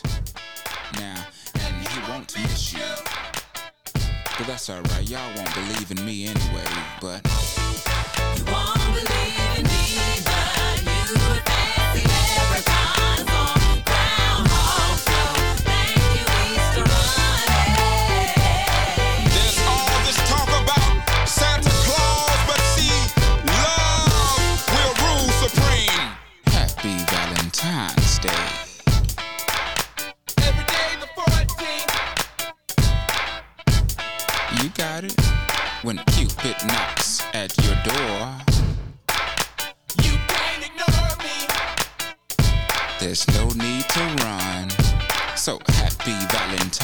Valentine's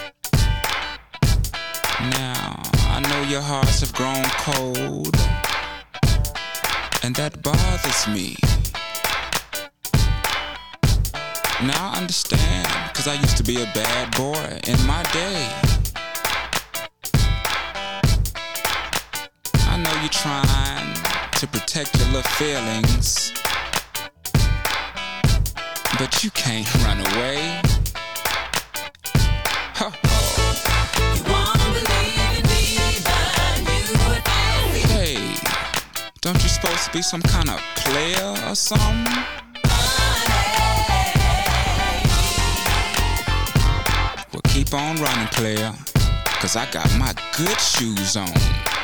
And I got them tied up tight. So you gon' find out